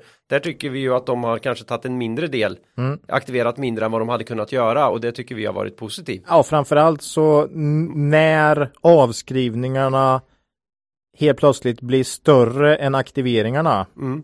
då vet man ju också att, Det finns en matchning här. att nettot är liksom åt rätt håll där så att Mm. säga. Eh, så att ofta då gillar jag att investera när man ser att eh, de har kommit ikapp så att säga. Mm. Och sen blir det ju en, en, en, en, en förtroendefråga. Mm. Märker man att ja, men det här funkar ju, man får ju faktiskt de här intäkterna från det här så, så får man ju Mm. mer och mer förtroende för att man har gjort rätt bedömningar. Ja, ja. Och det här är ju svårt igen då om det är ett bolag som man känner till och som haft samma verksamhet och gjort det här. Ja men då är det inte så svårt. Men om man är ett bolag i spelbranschen och köper 10-15 bolag på en gång som har olika liksom, aktiveringsprinciper och så vidare. Då blir det ganska svårt att tränga igenom en sån balansräkning. Snårigt. Snårigt. Snårigt. Mm. Och då kan det bli så att vi passar, fast att det kanske är bra. Ja, ja, ja. Men vi kan men inte- vi, vi, det kanske inte är kanske att vi, utan vi kommer passa för Ja. vi tycker det är för svårt att bena ut då. Då får vi ta något annat. Ja. Eh, lagernivåer kan vara intressant att kolla på. Mm. kan ju finnas en inkuransrisk, det vill säga att eh, det, laget blir, eh, blir gammalt och inte kan Där har vi användas. också pratat om vad säljer man för produkter. Eh, mjölk, inte så bra lagervara. Vita t-shirts. Vita t-shirts bättre då. Ja. Så att, ja. Ja, här, här har jag ju tänkt ta upp då som sagt New Wave med Torsten. Ja. Eh, Torsten Jansson då, han har ju fått väldigt mycket kritik för att man haft så stort lager i New Wave. Det visar sig ju nu när det blev en, pandemi här att, eh, och fraktproblem och så vidare att det var ganska bra. Det var inte dumt. Och, att, eh, och, och de eh, verkar ha produkter som är lite, håller i, i tid lite mer. ja. Mm. så jag, jag brukar säga Torsten Jansson 1, aktiemarknad 0. ja. Nej, Det är ju helt fantastiskt när no några analytiker sa äntligen har han fått ner sina lagernivåer och Torsten kolade det och hade redan skrivit i, i eh, sitt vd-ord där att eh, jag har tyvärr inte kunnat fylla på i lagren i den omfattning jag önskat på grund av leveransproblem. Men jag tänker göra det nu så fort Han, situationen han löser har ju sig. liksom en beef med hela aktiemarknaden på något sätt. Ja. Ja, jag älskar det. Ja, det är fantastiskt. Mm. Men Torsten har ju fått rätt, det har ju gått jättebra. Men eh, eh, sen eh, nettokassa, det är ju extremt stabilt Mm. eh, såklart. Men eh, i lågräntetider så är det inte så effektiv kapitalanvändning. Nej. Eh, Verkligen inte. Så vi ser ju gärna att man sätter kassa i spel. Mm. Sen vill vi inte ha en eh, för stor skuldsättning. Vi brukar använda nettoskuld in i ebitda, ska inte vara över 3. Ja. här har vi ebitda då, eh, som vi diskuterade förut. Men det är ju för att det är närmast kassaflödet. Ja. Precis. Sen, sen har det ju stökat till sig lite grann med leasing. Det har vi varit inne på tidigare Mm. i podden. Jobbigt. Ehm, I och med att det har kommit nya redovisningsregler som gör att man måste ta upp leasing, eh, ja, som, som leasing även hyreskontrakt och så vidare. Mm. Det där måste man titta lite grann på från bolag till bolag. Mm. Hur pass stor del det är sånt. Är det väldigt mycket sånt och man har väldigt bra pricing power mot sina leverantörer då kan man ju rensa för det. Ja. Precis. att, eh, det blir igen att man får titta lite grann bolag för Mm. bolag där. Mm. Eh, I normalfallet spenderar inte för mycket tid på balansräkningen om den ser okej ut. Nej. Mm. Det är svårt numera att hitta jättestora dolda värden. Ja. Eh, till skillnad från liksom, tidiga Buffett, eh, 50-60-talsinvestering, net, net och massa sånt. Han åkte runt och knackade dörr. Ja. Mm. Ja. Men det är en helt annan genomlysning nu, det är andra redovisningsregelverk och så vidare, så du hittar inte den typen av eh, st- stora Nej. dolda värden. Mycket är att försök bara sålla bort eh, de riktiga minerna i balans. Alltså, det är Ja. där det går ut på. Mm. Resten är okej. För, för även om det inte är ett problem just nu kommer en dålig balansräkning bli ett problem om det börjar gå ner. Mm. Det har vi sett så många gånger. Ja, det händer varje gång börsen rasar. Mm. Det var det vi hade på balansräkningen. Gött! Eh, här hade jag en, en liten recap här på det här storlek bolagen. Det gick du igenom jättebra Ola innan. Tack, tack. Så vi kan väl bara säga det igen att man kanske måste titta på hur stort har det här bolaget hunnit bli. Mm. Kan jag verkligen tro på de här tillväxtsiffrorna framåt? Och då brukar vi säga att vi har väldigt mycket lättare att tro på tillväxtsiffror på midcap eller mindre midcapbolag än large capbolag som tänker sig att växa med 10% per år utan några moln på himlen. Mm. Även i framtiden så att säga. Mm. Det bara ta den en gång till att, att tänk igenom det en gång till. Hur, hur stort blir det här bolaget om det fortsätter att växa så här som Ja, och de små Mm. bolagen är ofta eh, kanske lite för risk. Vi har inte tillräckligt historik där då. Nej. Så att, mm. så hamnar vi någonstans i mitten. ja, Eh, lite mellanmjölk där. mm, Och det, det finns ju en förlag till där också. Så Det är ju det här med att de följs ju inte av lika många heller. Nej, just Eh, det. och, och det har vi sagt tidigare, det är ingen idé att vara den eh, 25 analytikern på Ericsson. Du tillför ju ingenting. Nej. Men, men bolag som inte följs av så många Mm. kan man ju faktiskt få en edge genom att följa dem eh, på ett bättre sätt. Så. Och precis hela den här, om du tar ett bolag som går genom midcap, det vill säga man kommer upp år ett och sen så under tio år så rör man sig upp genom midcap. Då hinner ju fler och fler hela tiden upptäcka det där. Så det där är ju precis den tiden då massan får upp ögonen för det ofta. Mm. Eh, så att ja, det är en bra tid. Analytiker, fonder, banker och så Alla vidare. kan börja. Mm, Mm. mm. Ja. Internationellt kapital. Mm. Mm. Eh, nu kommer det bli lite svårt för oss här för vi, eh, vi ska prata lite om värdefällor, value traps. Och det gjorde vi dessutom i podden vi spelade in för bara någon timme sedan. Ja, Så nu är det lite farligt svårt att komma ihåg vad sa vi då och vad har vi redan sagt. Men Marcus, vi får ta det från början här igen då. Vi, vi vill ju undvika, vad är en value trap? Eller Nej, värdefälla? det, det är ju värdeinvesterarens eh, värsta fiende då. Mm. För det är ju ett, ett bolag som ser billigt ut men som inte är det. Eh, kan ju vara försämringar i verksamheten som är svåra att se eller som man underskattar. Eh, och det är särskilt jobbigt när det händer bra bolag. Mm. Eh, och det är svårt att veta när någonting händer. Är det en temporär förändring eller är det här bestående? Eh, har det kommit nya konkurrenter som är effektivare, kanske konkurrerar ut bolaget. Teknikutveckling tar språng som gör att liksom, bolaget missar. Typexempel är ju liksom Nokia. Blev ju frånsprungna av iPhones. Det här är ju fullständigt självklart nu för alla som växer upp nu och säger det är helt överlägsna. Men det var inte självklart precis när det skedde. Nej. Jag har för mig att det var ingenjörer på Ericsson eller Nokia som hade tagit en första iPhone och bara skrattat åt den. Det här kommer ingen vilja ha. Jaha. Eh, Och det är, liksom, det är svårt att se förändring ibland. Mm, mm. Eh, Och, och då kan ju ett bra bolag bli frånsprunget. Men jag har ju erkänt det här förut när jag liksom stötte på min första iPhone i ett arbetssammanhang. Jag var ju jättesur för den hade så mycket sämre täckning. Det var väldigt dåligt ljud i början Det var också. jättedåligt ljud och den, ah, fan får ju ingen täckning här. Nej. Eh, sen, även fast jag redan då hade börjat liksom sitta och förstå det fantastiska jag egentligen hade i handen så störde jag mig på det i flera år. Mm, mm. Och klarade inte av att se förbi det och tänkte att det här kommer inte hålla. Nej. Jo, det kan jag säga, det gör det, för det löste Ja. de. Mm. Jag var jätteimponerad av Martins, eh, vår gemensamma kompis som kom hem med en iPhone från USA. Han var först. Eh, jag älskar den här app. Jag kommer ihåg jag ins- direkt gillar den här appstrukturen på något sätt. Eh, men ja, nej, vem, vem visste? Vem visste? Och, och det blir problemet då när man har fina bolag som är i den branschen som, som råkar ut för det här. Ja, Eh, som då kan bli värdefällor. Eh, vi har väl haft den som vi har diskuterat några gånger, det är ju Pandora. mm. Mm. Eh, som ju såg fruktansvärt billigt ut där. När det hade fallit från 900 till 600. Mm. Men det såg extremt billigt ut. Ja. Eh, Itab nu är ju ett sånt där bolag man funderar på. Mm. Är det en värdefälla eller kommer de komma tillbaks? Jag kan, alltså det finns massor genom historien som man inte riktigt, som, där man inte, i en situation man vet inte. Mm. Är det här en värdefälla? Alltså det är svårt att avgöra men eh, Alltså allt som oftast tycker jag bra bolag förblir bra bolag, men ibland händer det som sagt att det Jo inte men är så. eh, Pandora var också intressant för att ja, men det blev ju en värdefälla i och med att den gick ner till 200 kronor från 600. Ja, Eh, Men nu står den i 776 igen, ja, något år senare. Så att det var en värdefälla på kort sikt men, men, men men återhämtade sig sen. ja. Så det är inte lätt alltid. Nej, nej, värdefällor är lurigt. Mm. Eh, de allra billigaste bolagen är läskigast ofta. Och, och det för då är det något som är, då är det något som är Ja, vi jäv- rensar ju faktiskt för högt PM men också väldigt lågt ja, PM väldigt lågt. screenar. Då är det något som är skumt alltså. Ja, du brukar säga det. Det, det är inte de som screenar allra, allra bäst Mm. som oftast är de man ska ha. För det kan vara fällorna. Ja, nej det ska vara, det ska vara normalbra. Mm. Ja, men det är en bra, en bra liknelse. Ja.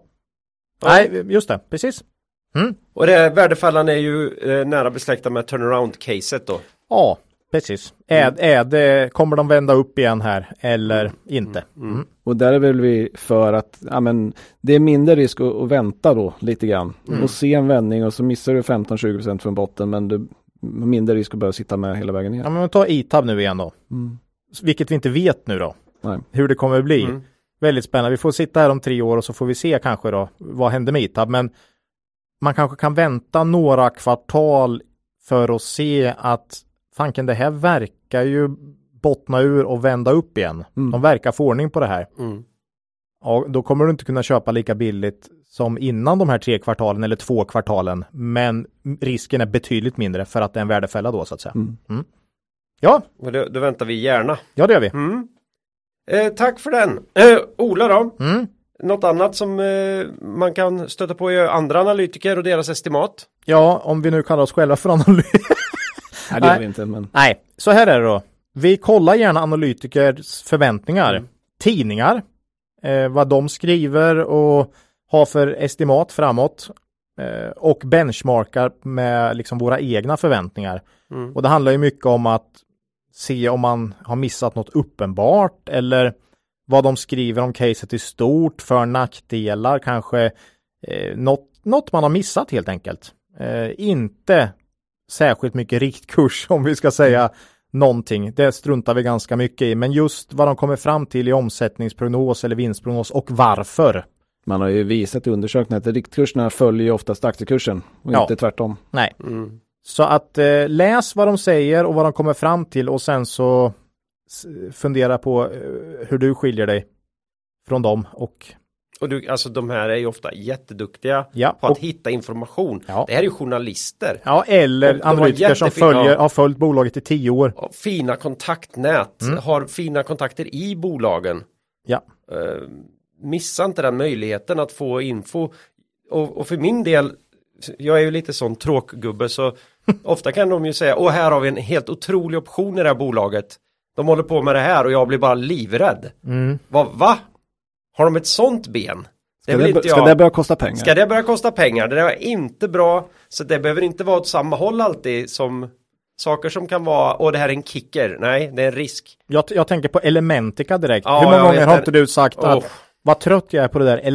Och nu Tänk, om, in- tänk om inte det hade funnits. Nu är spaden i backen igen du. Ja, jag vet, jag Så nu vet. kör de. Mm, mm. Bahnhof och Elementica. Ja. Men det är ju, vi, vi får ju ibland frågan vad, vad tycker vi om Mm. sån här köpanalys eller köpt analys som bolagen anlitar en analytiker. Och här kan man ju se, det finns ju givetvis ett incitamentsproblem med att Mm. den som, som har anlitat analytikern ska liksom eh, ja, påverka vad, han tycker. Men, men, men jag tycker att de har stort värde som informationsinsamlingscase. Ja. Man kan få väldigt bred och bra bild över hur, hur, ja, hur bolaget fungerar och vad viktiga produkter, marknader och Mm. sådana saker. Mm. Och sen behöver man inte lägga så mycket vikt vid vilken kurs Nej. som har satts. Strunta i kursen. Precis. Och sen är det, eh, vi kommer inte prata om det så mycket om idag här hur vi hittar bolag. Men det är också ett väldigt, väldigt bra sätt att hitta nya bolag och läsa mycket analyser och Ja. läsa Ja. eh, tidningar som har bolagsanalyser. Mm, mm. Så det har ett egenvärde. Slut. Och lära sig mer om branscher, lära sig mer om konkurrenter. Så det är alltid värt att läsa. Det är ju det Buffett och de här gör. Hela de tiden. läser. Mm. Där ligger man i lä. I read eight times, eight hours a day. Mm. Mm. Nej, inte jag alltså, utan Buffett. Nej, jag vet. Mm. Jag, jo, jag läser åtta timmar om dagen om Buffett. Eh, Var det inte det man, okej, jag har missförstått. fan vad mycket tid. Ja. Och det ska man lätt kunna göra för det finns så mycket, ja. så mycket material. Ja. Eh, eh, Så är det. Ja, det var analytiker och deras estimat. Mm. Eh, nu ska vi ta det här lite, ett litet längre pass här. Ja. Där Marcus ska få prata lite mer om det här med ägare. Mm. Eh, ägare lite, till lite, bolagen. lite flöden och sånt va? Så här djupt som vi pratar om det här nu är ingenting vi gör innan vi köper bolag ofta. Men nu har vi ett väldigt bra läge att ta det här. Ja. I och med att vi har tagit med oss Marcus i podden. Så nu, nu kör vi. Ja, nej, men vi eh, satte ner lite punkter på ägar, ägarsidan eh, och vad är man kan tänka på. Eh, för det första pilotskolan, den är ju bra. Vi gillar den. Eh, det var någon klok person som sa en gång att om inte vd äger aktier, varför ska någon annan göra det? Och det stämmer ganska bra. Ja, det är lite scary när man, Ja. när man har, eh, ja, lite grann vill man ju att de ska, Mm. Ja, men om de, inte tror, in. om de inte tror på det mer själva än att de vill äga några aktier, då finns det ju ingen anledning att själv vara där. och, och för man blir också lite rädd när andra argument är, "Nej, men jag är, jag är ju bara verksamhetsinriktad, jag bryr mig inte om eh, marknaden så mycket. Ja, men det här är ett aktiebolag. Ja, Du är, du är vd i ett aktiebolag, dina ägare äger det via aktier Ja, ja. som handlas på en börs. Du bör nog bry dig om lite grann Ja. hur, di, hur dina aktiviteter påverkar dem. Så det är också en sån här jättedålig signal. Ja. Ja, nej, jag tycker, jag tycker grundregeln är bra där. Eh, två bolag som har väldigt framgångsrika piloter är ju Nibe och Hexagon som varit inne på tidigare. Eh, vi, vi tog upp i förra podden att eh, Gert-Erik Lindqvist där eh, har ju sett en investering på 400 000 bli till 11 miljarder. Fantastiskt. Långsiktighet. Och Hexagon under Ola Rolléns ledning har ju varit en av de absolut bästa aktierna på börsen. Ja. Eh, han har ju hyvlat innehavet flera gånger men aktien fortsatt gå bra. Eh, nu hyvlar han ju dock den 10 november bort 75% av sitt kvarvarande innehav. Mm. Eh, och då börjar i alla fall jag bli lite orolig att han är på väg ut. Ja. Eh, så att om en sån här pilot lämnar så är det ju, kan det bli lite skakigt. Mm. Värt att bevaka där ute. Ja. Mm. Det är Ola. Mm. Sen eh, om ledningen och styrelsen köper eller säljer så försök att förstå hur stor del det här köpet är av deras kapital. Det är ju inte alltid helt lätt att veta men eh, om man köper till exempel så går det alltid att gå tillbaka till eh, årsredovisningen och se vad personen tjänar. Eh, och här rensar vi bort så kallade alibiköp. Mm. Ett alibiköp är ju då för de som inte vet det, det är när någon gör ett jättelitet köp som egentligen inte betyder någonting. Om du har, en, I deras privatekonomi du har överhuvudtaget. 10 miljoner i årslön och köper för 20 000. Mm. Det spelar ingen som helst roll, det är snarare nästan en negativ faktor att man, man vill Mm. försöka se ut som att man, man är någonting fast man inte är det. Utan sätt, sätt ett köp i relation till, till hur mycket pengar som personen faktiskt förfogar över. Ehm, sen är ju signalvärdet högre på, på köp än sälj. Det finns Ja. många anledningar att sälja men bara en i stort sett att kö, köpa. Så länge det inte är alibiköp då. Så länge, ja, så länge, ja men nu pratar vi substantiella Mm. köp. Mm. Ja. Sen Nej, är, det, det är att tjäna pengar helt enkelt. Mm. Sälja det kan vara eh, motorbåt eller vad det nu ska vara, ny, nytt hus eller. Eh, men dock om många agerar samtidigt så är det mycket större signalvärde. Både på köp och säljsidan. Den, är vikt, den, den tycker jag är ganska viktig. Där brukar jag, något enskilt Alla sälj... ska köpa båt nu. Ja, det, det händer inte att fem pers ska köpa båt samtidigt. Det, Eller väldigt sällan alla. Ja, men och det, typexemplet var ju Adcore som vi hade uppe en gång. Det var väldigt mycket sälj där eh, innan det kraschade Ja, totalt. ja. Eh, så att, att, eh, bra signalvärde om många agerar, eh, även på säljsidan där. Ja. Eh, kolla om det är kött eller blod eller fonder. Vi gillar ju kött och, ägare av kött och blod. Eh, Mm. Vi gillar att man riskar eget kapital och inte andra pengar, andra eh, pengar, andras pengar så att säga. Vilket man gör i fonderna. Eh, kolla huvudägarna, vad har de för track record? Eh, vad äger de mer? Eh, här är ju till exempel en ägare som Latour har ju ett extremt fint facit. Tomra. Ja, ja, ja men de har ju jättemånga fina Ja. bolag. Ja. Eh, kolla hur länge de har varit ägare. Om det är en ägarfamilj kan det vara dags för generationsskifte, kan bli större förändringar. Mm. Eh, någon större ägare på väg in ut. Här kan man börja göra jämförelser över tid då. Eh, och då kan man behöva en tjänst som Holdings till exempel. Där man då kan göra sådana analyser över tid, se hur ägandet har förändrats då på Mm. olika ägare. Eh, här har vi ibland sett intressanta rörelser. Man kan identifiera fonder till exempel i de aktierna som inte anonymiserade flöden. Nu har ju Nasdaq tyvärr liksom anonymiserat de största aktierna. Så du kan ju inte göra det här i dem. Nej. Men i midcap och large cap kan man ibland hitta intressanta setups då som man kan titta på. Mm. Eh, Det är ju svårt att veta någon fond hur mycket de ska köpa men ibland kan man veta hur mycket de ska sälja. Ja. De, Ja, kan, det- de kan, säljer ju inte mer än vad de har så att säga. Nej men precis. Nej. Det är typ exempel, vi har ju bolag på D då som eh, steg nästan 10% den dagen en fond som vi trackade och hade köpt ganska mycket av eh, var klar med sina sälj. Mm. Då var liksom locket, locket försvann. var- försvann. Ja. Så det där kan vara värt att ha lite span på faktiskt. Dock är det lite läskigt innan man, man vet, vem fanken, men man försöker, om man kan lista ut. Ja, Och det kan man ganska ofta. ofta går det. Mm. Så att, eh, in, in, inte de största där det är anonymiserat då. Nej, Nasdaq tycker det är så fantastiskt bra med transparens. Så att, ja, det är så synd. Får nog återtrycka på att det här är ju överkurs för eh, 99% av våra lyssnare. Ja. Mm, Men det är intressant för oss. Vi, vi får ju frågan, vad gör ni? Ja men sånt här gör vi. Ja. men eftersom vi, vi håller på med det på heltid också. Ja. Eh, kolla ägarlistan efter fondkapital. Fonder går ju ofta in i bolag vid en viss storlek då, som vi var inne på tidigare. För att eh, de behöver en viss storlek för att kunna komma in. Eh, och ha tillräckliga flöden liksom, för att kunna hantera in och utflöden. Eh, kommer några fonder in är också vanligt att många andra fonder följer efter. Det är lite följa där ute. Ja. Eh, och då kan det få ganska stor påverkan på kursen. Eh, många fonder vill inte avvika för mycket från konkurrenterna. Eh, och det förstärker ju upp och nedgångar. Eh, DE hade en sammanställning den 16 oktober som jag tyckte var intressant. Det var 19 småbolagsfonder. Mm. Det är ganska mycket att det finns 19 överhuvudtaget. I Sverige, i Sverige. svenska. Ja, Mm. svenska. Ja. Över 60 procent hade AdTech, Lagerkrans och AdLife i sina Mhm. portföljer. Ja. Och här tror jag du kan hitta ganska mycket eh, förklaringen till varför de har gått så enormt starkt och fått sådana värderingar de har. Mm. Alla Eh. ska in. Alla ska in och alla ska in i nästan samma. Men du vet, alla ska ur samtidigt också. Och det är precis det som är poängen. Det är lite därför man ska titta på det också. För Mm. att eh, det kan ju gå åt andra hållet. Får Ja. du inflöden ska alla köpa samma. Får du utflöden ska alla sälja samma. Ja. Eh, kolla om det är primärt svenska eller utländska ägare. Eh, man har ju sagt att det senare då, utlänningarna har oftast ett rykte om att vara mer lättflyktiga. Eh, för det kan ju vara så att liksom, den här de har investerat i Sverige, det är en del i en större liksom, allokering och blir det oro så tar man ofta hem från perifera marknader. Ja. Så det, det har oftast historiskt svängt mer i de bolagen som har haft stort Mm. utländskt kapital. Ja. Eh, Men det kan ju å andra sidan driva på kursen väldigt mycket om det blir populärt. Eh, Om ett bolag satsar på en utländsk marknad kan det vara intressant att hålla koll på om det dyker upp placerare därifrån. Det är ju ett tecken på att bolaget har fått fäste med, med affärsidé. Och liksom. Intressant. Det- Ja, den har jag aldrig tänkt på själv faktiskt. Nej. Ja, men de, har- de har ju nått den marknaden Ja. och någon på den marknaden ser att och det här bolaget verkar framgångsrikt, där köper jag in mig. Mm. Det är ju lite intressant, iGaming-bolagen, nu har de väldigt mycket utländskt ägande redan, men det kan man ha lite span på om de får fäste på, på andra marknader så att säga. Ja. Eh, indexfonder, värt att hålla koll på. Eh, indexfonderna har vi varit inne på, de köper ju beroende på börsvärde och indexflyttar och så. De handlar ju liksom inte eh, på fundamentalt, men de förstärker väldigt mycket rörelse upp och ner. Mm. Eh, och här ser man ju ofta väldigt konstiga rörelser när bolag flyttas upp och ner i index och det kan ju få väldigt stor påverkan. Och det här är inget att bry sig om för långsiktiga investerare, men det kan vara värt att hålla koll på för det här kan ge ganska kortsiktiga lägen som du kan, kan titta på. Mm. Eh, om det kommer ett bud till exempel, kommer det accepteras? Det är bra att titta på ägarlistan. Kan det bli budstrid? Kan det finnas någon ägare som, som äger en del och vill skydda det här? Eh, och därmed lägga ett kontrabud. Eh, kan ägarna kräva mer betalt? Bra exempel på det här var ju Enlabs. Där ägare eh, gick, till, gick ihop då och krävde mer betalt. Fick upp budet från 40 till 53 kronor. Det är bra. Det är en Det är extremt jäkligt stor bra. höjning. Mm. Bra jobbat där. Eh, kolla även andra större ägares innehav då vid ett bud som kan gynnas för att om budet går igenom så får de ju loss en massa kapital. Kan ju tänka sig att de investerade i de andra innehaven som de har. Då, Mm. Ja. Eh, försvårande för ägaranalys är ju dock att eh, mer och mer kapital ligger i kapitalförsäkringar.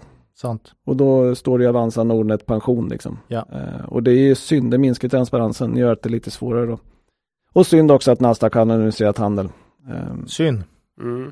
och sen slutligen då, ägaranalys är viktig del men bolaget är viktigast. Lägg bara ner tiden rörande ägaranalys om det är ett kvalitetsbolag som är intressant. Framförallt, chansa inte på gynnsam ägaranalys i bolag av sämre kvalitet. Det kan göra ont. Mm. Mm. Och det var ju det här med det fundamentala kommer ur själva bolaget så att säga. Ja. Mm. Ja, där fick vi en rejäl genom, genomgång av ägardelen där så att säga. Mm. Eh, mm. Och då tänkte vi ta en annan sån här lite mer eh, teknisk grej som vi också kan tycka det kan vara intressant att titta på. Det här med blankning. Det har du också Marcus. Ja, och det är inte heller den viktigaste faktorn, men, men inte helt oviktig heller. Eh, framförallt vill man veta varför är någon kort, det här Mm. bolaget som jag är lite intresserad av. Eh, och, det, det är inte bara det att du tycker det ser väldigt intressant ut. De här tycker det ser väldigt icke-intressant ut som Exakt. köp. Så att det, det är en fundamental motsatt de, har syn. inte, syn. de har inte bara valt att avvakta, de Nej. har aktivt gått ja, emot. Så, det, Ja. så den är intressant. Viktig. Mm. Och, och, och det är också så att när man går kort så måste man få rätt snabbare. För gå kort innebär att du lånar aktier och betalar en avgift för att låna dem och sen sälja dem och sen ska jag köpa tillbaka dem billigare. Det är ju grundtanken. Eh, och det gör ju vår bild är ju att den som går kort har ju gjort en ganska noggrann analys. Eftersom han riskar mer, måste få rätt snabbare eh, och sådär. Och det kostar, mer, det kostar ju pengar på ett annat sätt än att köpa en aktie. Åtminstone borde de göra en. Ja, de borde göra det, Ja. men, men jag, jag, jag Ja. skulle nog säga att de gör det Ja. generellt sett Mm. också. Sen Ja. kan de klart få fel. Mm. Men, men eh, Mm. alla kan få fel. Så försök förstå varför någon kort. Vad ser de? Värdera argumenten om du får tag på rapporten. Eh, vore ju fantastiskt om man kunde få tag på mer rapporter. Mm. Eh, ibland så klagar folk på när en blankarfirma skickar ut sin rapport. Ja, de försöker manipulera kursen. Ja, jag är bara glad. Mm. Jag, jag vill ju se vad är deras argument. Och Ja. så ska man se om de håller. Mm. Håller de, ja, då kanske man inte ska vara i den aktien. Om, men om, och, och, men sidan, om de inte håller argumenten, ja men då har vi ett latent köptryck här när de ska köpa tillbaka aktierna. Så att, bra att hålla koll på. Sen finns det ju liksom folk, aktörer där ute som kör mycket pair trades. En pair trade är ju då att man går kort en aktie och lång en annan. Till exempel kort Sandvik, lång Atlas. Mm. Då tror man ju liksom, då har man en branschidé eh, om, eh, så här, man, man fokuserar på, på de enskilda bolagen i förhållande till varann. Just det. Eh, och inte, inte hur, hur, hur branschen går och hur den allmänna värderingen är, blir, Nej. blir inte en faktor. Utan man säger, jag tror Atlas kommer gå bättre än Sandvik. Ja. Mm. Och det, och det är en annan fråga, det är inte Mm. lika intressant i det här Nej. perspektivet. Eh, var försiktig med att själv gå kort. Eh, liksom maxvinsten är ju 100%, kan inte gå ner mer, men det kan ju, du kan ju obegränsad förlustrisk. Eh, för marknaden kan alltid överraska och du kan ju fråga de som har korta i GameStop. Ja. Mm. Nej, nej, men precis. Eh, De vet om det. Köper du en aktie så kan du tappa 100%. Här kan du tappa Obegränsat. obegränsat. Eh, och då finns det ett bra uttryck där som, som, som aldrig blir för gammalt. The market can stay irrational longer than you can stay solvent. Mm. Mm. Och Så är det. Det är helt enkelt att det kan bli konstigt och det kan bli ännu konstigare och det kan vara så konstigt så att du blir wipad. Ja, vi brukar ju säga att blanka aldrig. Nej, Det är, det är, svårt. vårat sådär, eh, standardråd. Och det är lite samma som med belåning. Det, Ja. det, du vill själv avgöra när du ska sälja och det gör du inte om du har lånat aktier och sålt Nej. dem eller om du har belånat på dina aktier. Nej, precis. Så är det. Vi är ofta väldigt försiktiga med bolag som har en väldigt stor andel blankat. För, för det, det visar på någonting. Om det är 25 olika aktörer som har blankat och det är 8% av bolaget, då, då, är det, då är det någonting lite fishy. Då kan man, det finns så mycket aktier där ute, kan välja något annat. Och, och det var vi inne på när vi pratade G5. Ja. För, för det sa vi, vi har en pytteliten bevakningspost för att hålla koll på Mm, det. mm. Men just att det är så pass mycket blankat och så många aktörer gör att vi, ja, vi är lite, vi vill avvakta istället ja, lite ja, grann. Ja. Mm. Mm. Sen är det en fördel när man eh, tittar på den storleken på bolag som vi ofta pratar om här igen då. Mm. Det är inte så mycket blankning i eh, nedre delen av eh, midcap. Nej, ofta inte, men Ofta kan inte. vara. Det kan vara, men Mm. det är inte så vanligt och definitivt inte på small cap. Så att, Nej. Mycronic och G5 är de jag kommer på. Nej, det finns, men, men Mm. det är inte jätte... Ja, Nej. nej. Sen är ju, nu finns ju det här på börsdata. Ja, Fantastiskt bra. Mm. Så där kan man direkt gå in i fliken och klicka på blankning. Ja. Mm. Så får man upp datan Pro, där. Sen Pro är plus behöver man vara. ja, Mm. men det tycker vi att man eh, Det ju- Det tycker jag man ska vara. jag med. Mm. Sen är det lite synd, det har ju precis eh, Finansinspektionen eh, gått ut och sagt att man inte får reda på vem som ligger mellan 0,2 och 0,5 längre. Eh, Det är ju eh, helt nytt här. De gjorde en, eh, en förnyad sekretessprövning. Jag tror att det var någon som hade klagat hos EU som hade sen kommit till inspektionen och sagt att ni, den här informationen får inte lämna ut. Mhm. Det var ju så när regelverket kom att 0,2 över så var du tvungen att informera din FSA, det vill säga Finansinspektionen. 0,5 över skulle du offentliggöra. Så var det. Men det hade ju olika aktörer kommit på att hos FI så är det ju liksom, eh, du, du, må, du kan ju fråga hur informationen måste få den. Mm. Eh, och då hade man begärt att få den informationen, så då kom ju det ut. Jag tyckte ju att det var lite konstigt, varför hade man två olika nivåer Ja. om man ändå fick ut all information? Ja, konstigt. Och det var väl kanske några blanka firmor gissningsvis som, som sa till EU det att kolla nu vad FI gör, de ger ju faktiskt ut information från 0,2. Det Mm. kan ju inte vara rätt. Och nu har FI då gjort en förnyad sekretessprövning och kommit fram till att man inte, den ska bara till FI den informationen. Mm. Okej. Mellan 0,2 och 0,5. Det är synd för det minskar ju transparensen. Jag skulle vilja att man fick mer information men All transparens är ju bra tycker vi. det är, inte, det är ändå inte jättekonstigt om man tittar på hur regelverk var utformat med två tröskelnivåer. Nej. Eh, Skulle allt ut så var- varför ha två nivåer? Ja. Mm. Ja. Det är en blankning. Det om blankning. Eh, lite om, eh, vi har ju pratat om ägarna och där kan ju ledningen också vara ägare men ledningen i bolaget så att säga när vi analyserar dem för köpare till exempel och vd-byten Ola, har vi Ja. något lite kort om det? Nej, det är ju väldigt mycket punkter, man, man, så att inte våra lyssnare blir livrädda här nu för att det är så mycket olika här. Men, men, men det är ju på något sätt, kommer man fram till det med mos och bra bolag, ja, sen är det några, man ska checka av Ja, balansräkningen tycker jag är lite viktigt. balansräkning. Ja, men man ska checka av en hel del och, och gör man det så är det väldigt bra. Liksom. Mm. Eh, eh, Det är inte dumt, men man får liksom inte ha för stor respekt här. Nej. Eh, Men vd-byten, alltid en risk då, förutom det Marcus var inne på det här med goodwill. Ja, men engångsposter Mm. kommer ju ah, nästan alltid. Nästan alltid vid vd, alltså, eller det, det är åtminstone väldigt vanligt att, vi, att det kommer engångsposter. Men förutom det så är det ju nästan än mer det här med eh, strategiförändringar och så vidare. Att, att man börjar förändra en verksamhet som kanske var väldigt bra från början. Mm. Eh, vd-byten kanske dock sker ofta när det inte går så bra. Eh, och då kan det ju kanske ses som något positivt då. Ja, men så kan det vara. Ja, eh, men ofta gillar vi bolag som är väldigt bra, har gått väldigt bra. Om man då byter vd så blir det en risk helt enkelt. Så man ska, Mm. vara, man ska vara lite försiktig. Eh, vi brukar också prata om det här med vd-ord då. Mm. Och eh, man har liksom en historik med en vd genom vd-orden och ser nyanser. Får du in en ny vd så är det ju nya ord, Mm. nya betydelser. Så. Och det är ju svårt att veta vad den trycker på. Ja. Vi pratar AQ förr i tiden, eh, eller historiskt sett har ju varit väldigt eh, bra på att lyfta fram problem. Mm. Eh, Om man inte vet att det är så de agerar så kan man ju bli rädd kanske, oj oj oj. Ja. Eh, Medan ett bolag som, som eh, har fått in någon helt annan vd som kanske inte alls lyfter fram några problem. Mm. Eh, Det gillar ju inte vi om man lyfter fram att ah, men här går det jättebra på den här delen och så släpper man den och så nästa vd-ord pratar man om en annan del som går bra Mm. och pratar ingenting annat. Så att Nej. det är ganska viktigt för förståelsen för bolaget att man får förtroende för, Mm. för ledningen. Precis. Mm. Nej men så var lite försiktig vid vd-byte. Mm. Mm. Tycker jag. Gärna ska de ha suttit något, något år. Mm. Bra. Eh, vi har pratat kort om det här innan tror jag, det här med bolagens finansiella mål. Om de nu har sådana, bryr vi oss om dem. När vi analyserar. Ja, och, och det är lite samma sak som vi var inne på på vd där. Eh, vi, vi, om de här finansiella målen är, är trovärdiga så tror vi på dem. Eh, och man kan gå tillbaka och säga att ja men prognoser, eh, vad är det för någonting? Jo men det är ju bolagets sätt att se på vad man själv tror att det kommer bli.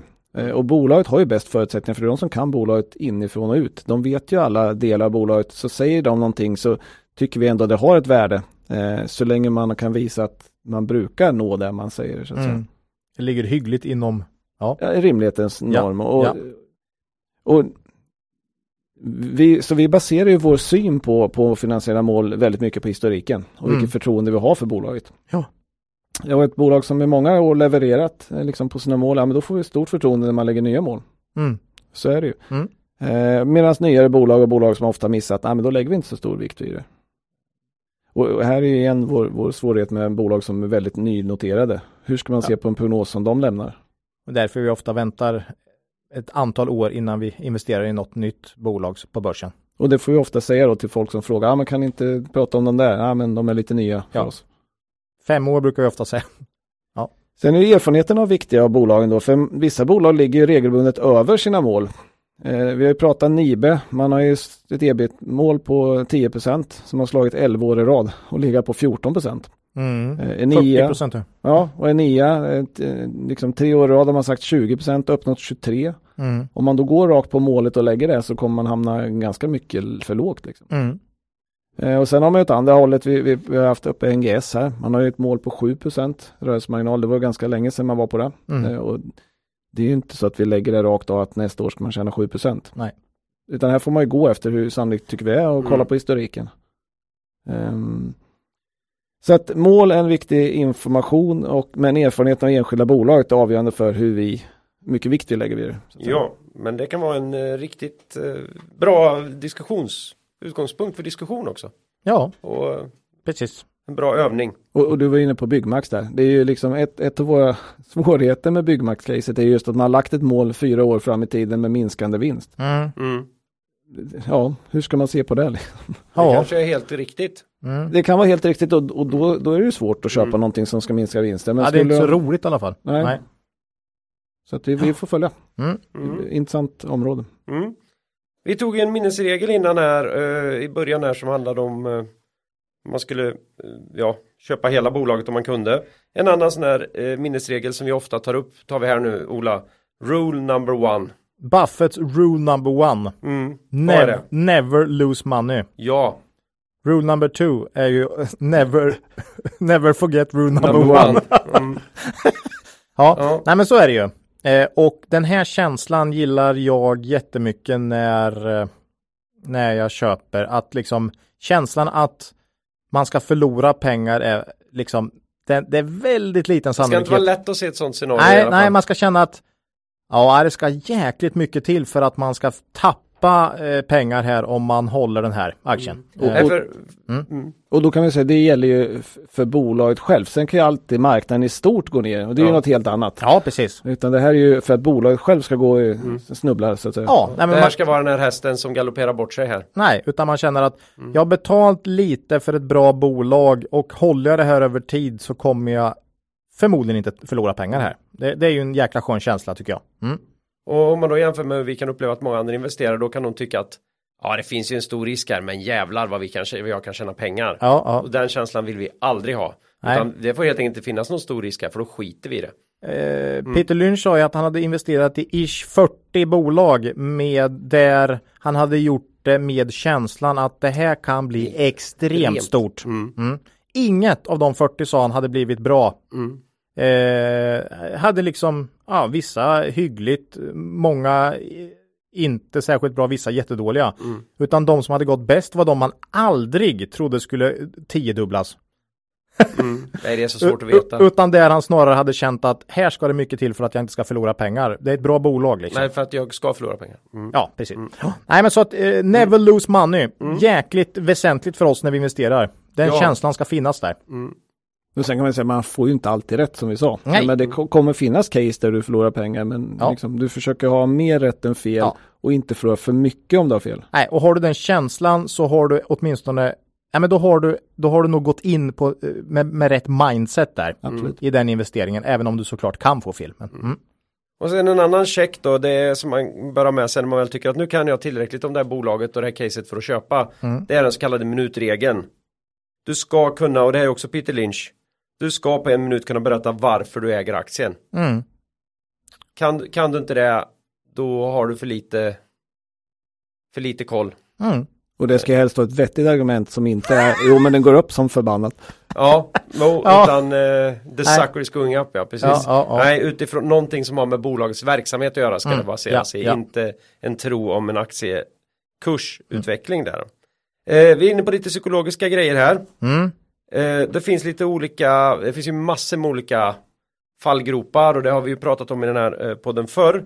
Men det här med att man lägger ner så mycket tid och, och, och ägnar sig så mycket tid åt att analysera ett bolag, det kan ju innebära en viss risk när man då ska, hamnar i, i det här beslutsläget, ska jag köpa eller inte? Vad är det jag tänker på här tror du Marcus? Jo, nej, men Kristoffer Andersson har ju skrivit ett par, ett par böcker om börspsykologi som vi Mm. tycker är läsvärda. Mm. Eh, Och han eh, talar i det senaste då om IKEA-effekten. Eh, Och det här bygger på en studie som visar på att vi tenderar att tycka mer om saker om vi lagt ner mycket tid på dem. Mm. Eh, namnet kommer ju förstås från en undersökning om känslan för möbler eh, när du själv har Byggt eh, byggt ihop dem Mm. och att folk uppskattar dem mer då när man har lagt ner massa jobb på det. Ja, Mm. Analogin med börsen är ju självklar då, men om du lagt ner en massa timmar på en egen analys så känns ju den extra mycket värd jämfört med om du skulle kanske läsa någon annans eh, åsikter kring aktien. Mm. Men det är ju så, bara för att du lagt ner mycket tid på en analys behöver ju inte den vara- bli bra Nej, du Eh. behöver inte få att det ska, att det ska landa i ett köp. i alla fall. köp. Nej. Nej, men du kan ju komma fram till att det, det ser inte så bra ut, men du har ju lagt ner en massa tid på det här. Mm. Och då kanske du känner, ja men det är ju meningslöst arbete om jag inte köper nu. Mm. Så då köper jag, skruvar lite på parametrarna. Särskilt om man har kassaflödesvärdering kan man ju skruva ganska mycket. Och sen får man nog in det där ändå. Så det blir nog ett köp, jag har ju lagt ner så mycket tid på det här. Ehm, men det är ju inte rätt, tycker vi. Nej. Utan eh, det är inte bortkastad tid. All kunskap är bra kunskap och du kan mycket väl använda den senare.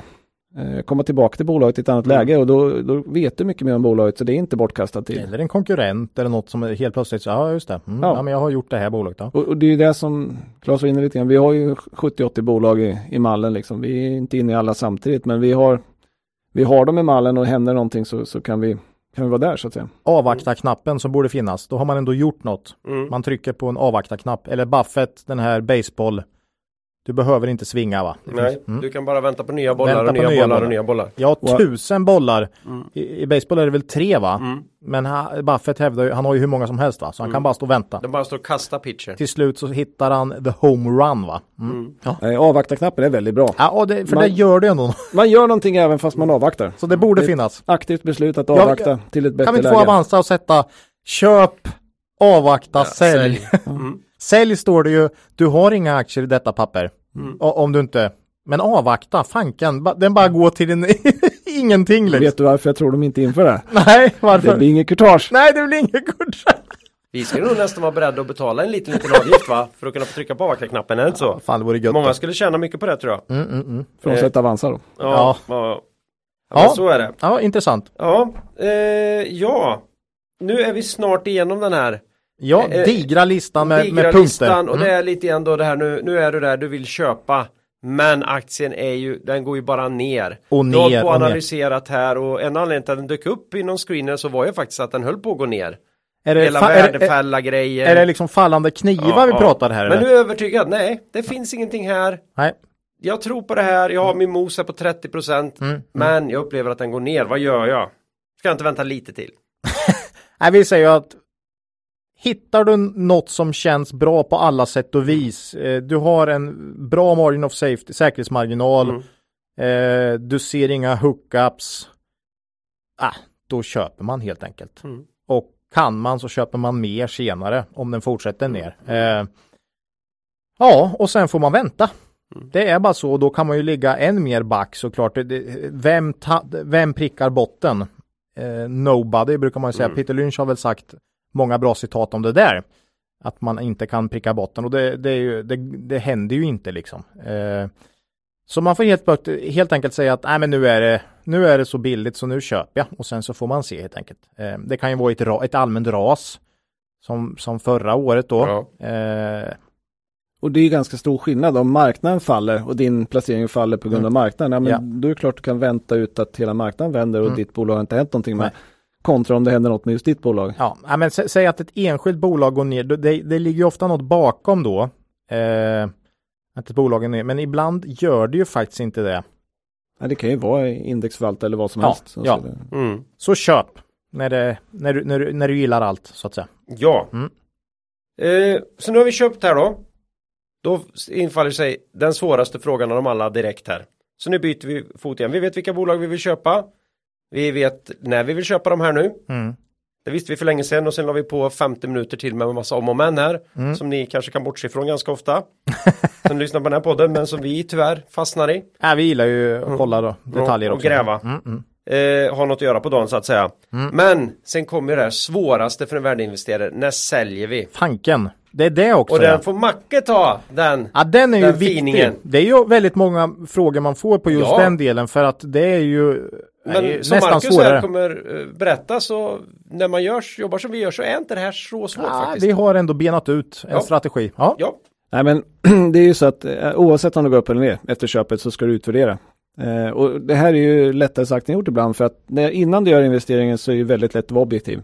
Det kan alla vara. Eh, så fort man har kört ett köp så är det lite lättare att se de, det som bekräftar bilden så att säga. Mm. Det kallas ju confirmation bias då. Eh, och om någon inte vet vad det är så kan ni gå in på valfri den chattsida börjar på ju nätet. faktiskt ofta redan innan. Så kan du gå in på valfri chattsida. Ja, valfri chattsida, ja. Ja, ja. Fy, ja. För där ser man ju då att alla försvarar ju bara sin egen position och ingen vill ju ha motståndarsidans argument så att säga. Nej. Eh, och, det, och det där är ju synd för att mm, man, man ska ju söka, tycker vi då, motståndarsidans argument.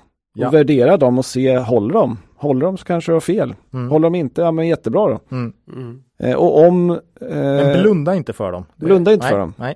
och det är jätteviktigt. Nej, många kör storken där ute. Eller vad heter strutsen? Strutsen. Ja, st- storken är Strutsen. Ja, strutsen. Ja. Mm. Eh, Men eh, så, så, så omvärdera casen, eller utvärdera casen hela tiden. Ja. Och eh, om du har fel, eh, sälj. Mm. Eh, för då hade du inte rätt. Eh, och det är ju det svåraste med investering. Eh, att inte sälja vinnarna för snabbt, snitta ner förlorarna och så sitter du med en portfölj av ja, bolag Sämre som bolag. kommer ha väldigt dåliga framtidsutsikter. Mm. Eh, risk enligt finansiella läroböcker är volatilitet, det vill säga variation i pris. Eh, det tycker vi är ett tveksamt synsätt. Risken är ju att du har fel rakt av. Om bolagets framtid. Om bolagets framtid har du gjort fel analys. Det är där risken ligger. Mm. Om du gjort rätt så får du bra resultat till slut. Då. Volatilitet handlar ofta om Mr Market. Mm. Exakt. Och det spelar egentligen ingen roll om det svänger lite Nej. fram tills ditt scenario har spelat ut så länge du hade rätt i scenariot.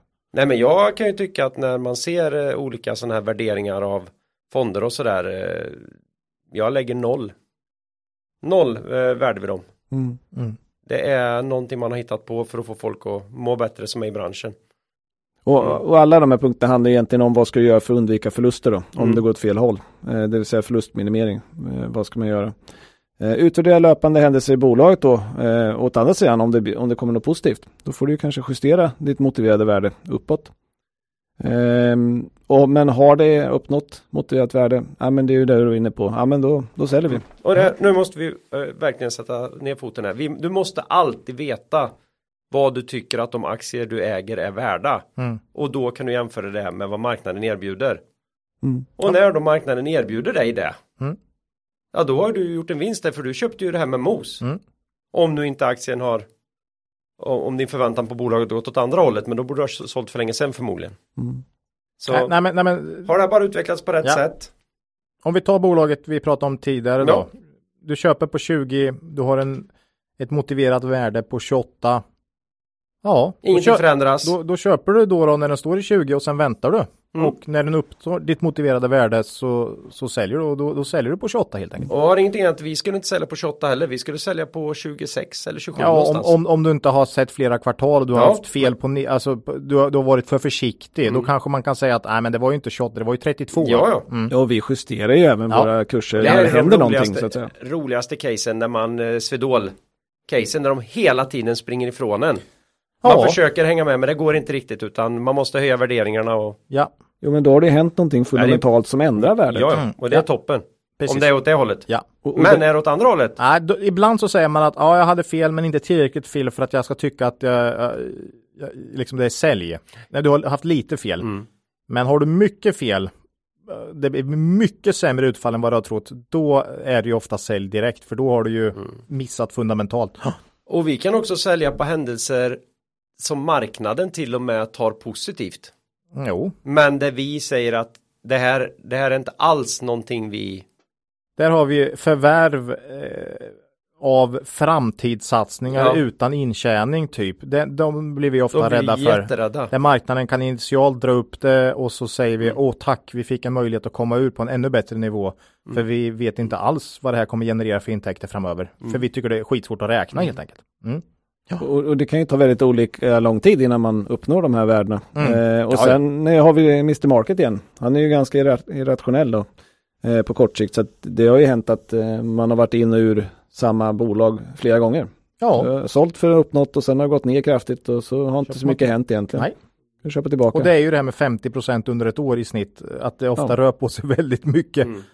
Eh, då, ja, då Även kan det till bli så. exempel Proact. eh, Proact har ju varit så typexempel. många år. Mm. G5 lite grann så också när, när marknaden är, det, marknadens syn är 1 men egentligen händer inte så mycket Nej. i bolagen ändå som motiverar den stora svängningen. Bahnhof säga. hade vi ju 2017, 18, sålde och sen så köpte man i raset 2020 och ja, så är det. Sen finns det en faktor till och det är ju alternativkostnad. Mm. Du har ju alltid en alternativkostnad för att ha en aktie eftersom då har du valt den istället för en annan. Ja, Och det skulle ju kunna vara så att det finns något annat som är mer köpvärt. mm. Och då kan man ju sälja för att köpa den istället. Ja. Trots att man inte har uppnått mosen och inte så mycket dåligt har hänt så att säga. och där får man ibland, har ni sålt det här? Ja, eh, och ibland kan det faktiskt vara så att ja, vi tycker det här ser väldigt intressant och bra ut, bra bolag, bra, men vi har vi tycker att vi har hittat något som ser ännu bättre ut. Eller det kan också vara så att vi tycker att vi har lite för mycket i en enskild bransch eller så. Till exempel. Så att det, det finns något portföljtänk där då. Mm. Ja, Så det kan finnas lite olika anledningar. ja. Mm. bra. Nu, nu sa du portföljtänk. Ja, Så då tänker jag hoppa över det jag skulle säga och gå på portföljstrategi Ola. gött! Det är nämligen sista, sista delen här av För det är liksom fler aktier då. Mm. Mm. det vi ska prata om idag här. Vad, vad är portföljstrategi och framförallt vad är vår portföljstrategi Ola? Vi har ju svårt för det här med att man ska plocka ut en aktie som man tror mest på och sen rida med den. Eh, Med sån här fokus investing. ja, för det finns saker du omöjligt kan veta och framtiden är oviss. Det, men liksom, det är så mycket grejer. Corona hade ing, det visste ingen för två år sedan. Ish. Jo, typ två år sedan. Eh, så, så att eh, vi säger ju max 15 av portföljen i en enskild aktie. Oftast ligger vi inte med mer än 10% i ett enskilt bolag då. Eh, ungefär 10% eller 10 aktier i portföljen över tid skulle jag säga. Eh, ibland mer, ibland mindre. Mm. Färre aktier då. Vi har också ofta sagt 30% max i en enskild bransch för att sprida sig eh, vettigt. För ibland åker ju en hel bransch på Jo, det är väl iGaming ett bra exempel. Hade Ja. det legat i fem olika sådana bolag som alla drabbades av Hollands beslut liksom, så Ja. var det inte mycket diversifiering. Nej, Nej. så försök hålla spritt över branscher också. Eh, för ibland har du fel och ibland har du till och med råkat investera i en bransch som, eh, som ligger fel i tiden. Eh, sen säger vi oerhört viktigt, belåna ej din portfölj då. Mm. Eh, och Eller använd inte lånade pengar på något sätt. Nej, eh, vi var inne på det vid blankning och så då och så, men, men om du inte har belånat din portfölj så kan aldrig någon tvinga dig att sälja va? Så är det ju. Äger du en aktie så äger du en aktie, punkt slut. Och då bestämmer du när du ska sälja. Ja, och det är det som är det viktiga och många tycker, ja men lite belåning, ja men det, just när börsen börjar rasa då kan det gå fort alltså. Mm.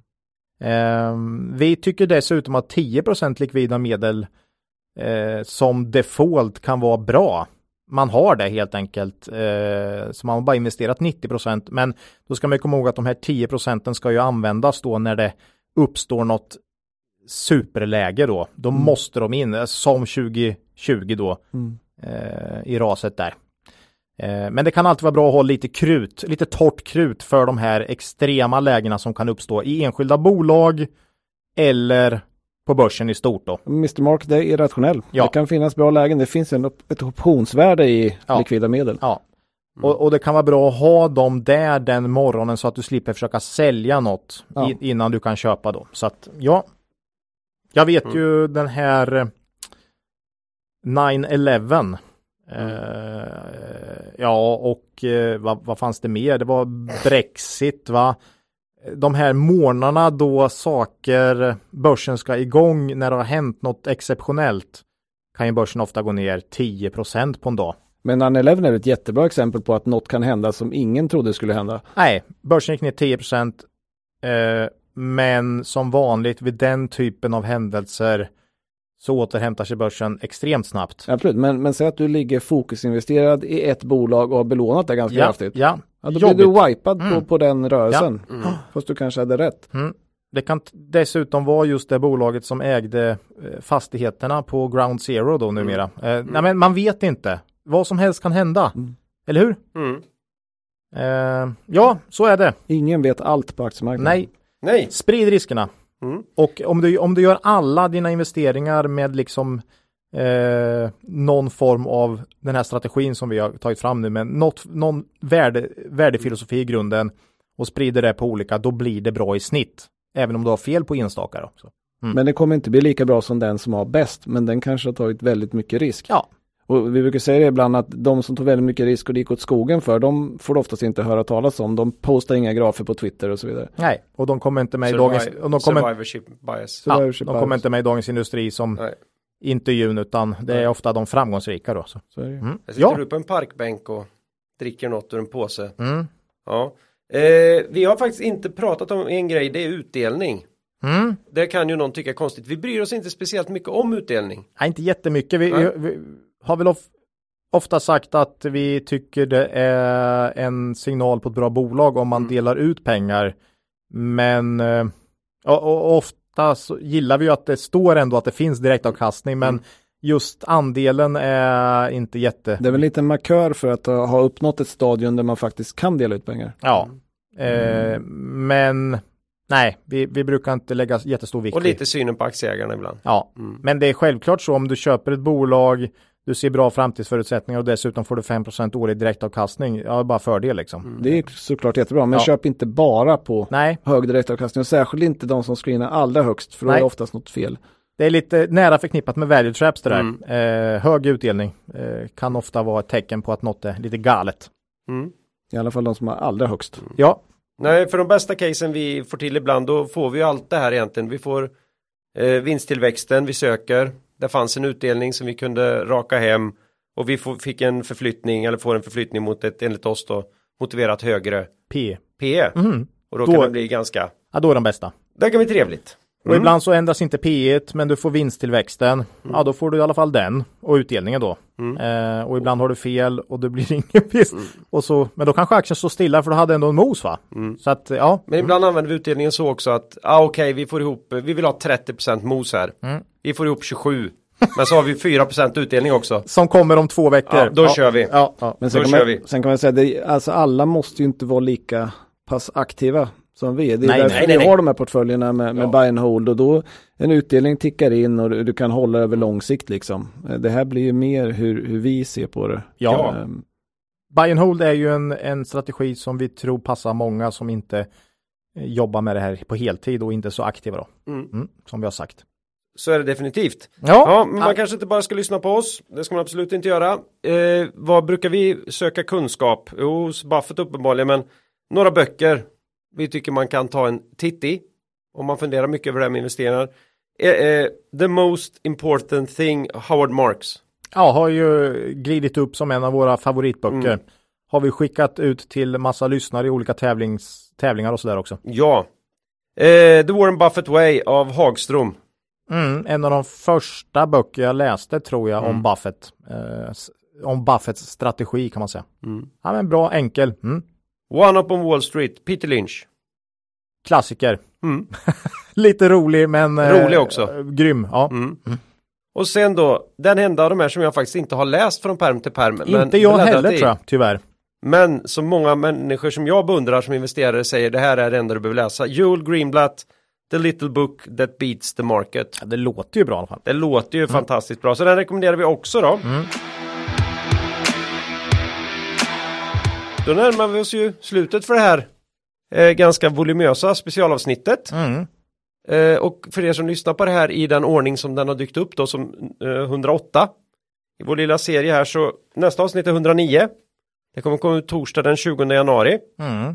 Det är ett ordinarie avsnitt, lite bolag och lite annat smått och gott. Eh, Man kan som vanligt mejla oss på kontaktet kvalitetsaktiepodden.se Kommentera på Twitter eller på vår hemsida kvalitetsaktiepodden.se Ja, eh, vi har väl inte pratat, behöver vi säga något om eget ägande här idag så mycket? Nej, Det är inga bolagsanalyser på det sättet. nej. Nej. Så innan vi skiljs åt då vill vi bara påminna våra lyssnare om att gå in på Cavaliers hemsida, cavalier.se och läsa på om deras fina erbjudanden. Då ska man komma ihåg att historisk avkastning i fonder inte behöver vara en indikator på framtida avkastning, att ni kan förlora delar av ert satsade kapital då fonder kan både gå upp och ner i värde. Med det säger vi hej då för den här gången och ber er komma ihåg att Det är först när tidvattnet drar sig tillbaka som du får se vem som badat naken. Lose money for the firm and I will be understanding. Lose a shred of reputation for the firm and I will be ruthless. I welcome your questions.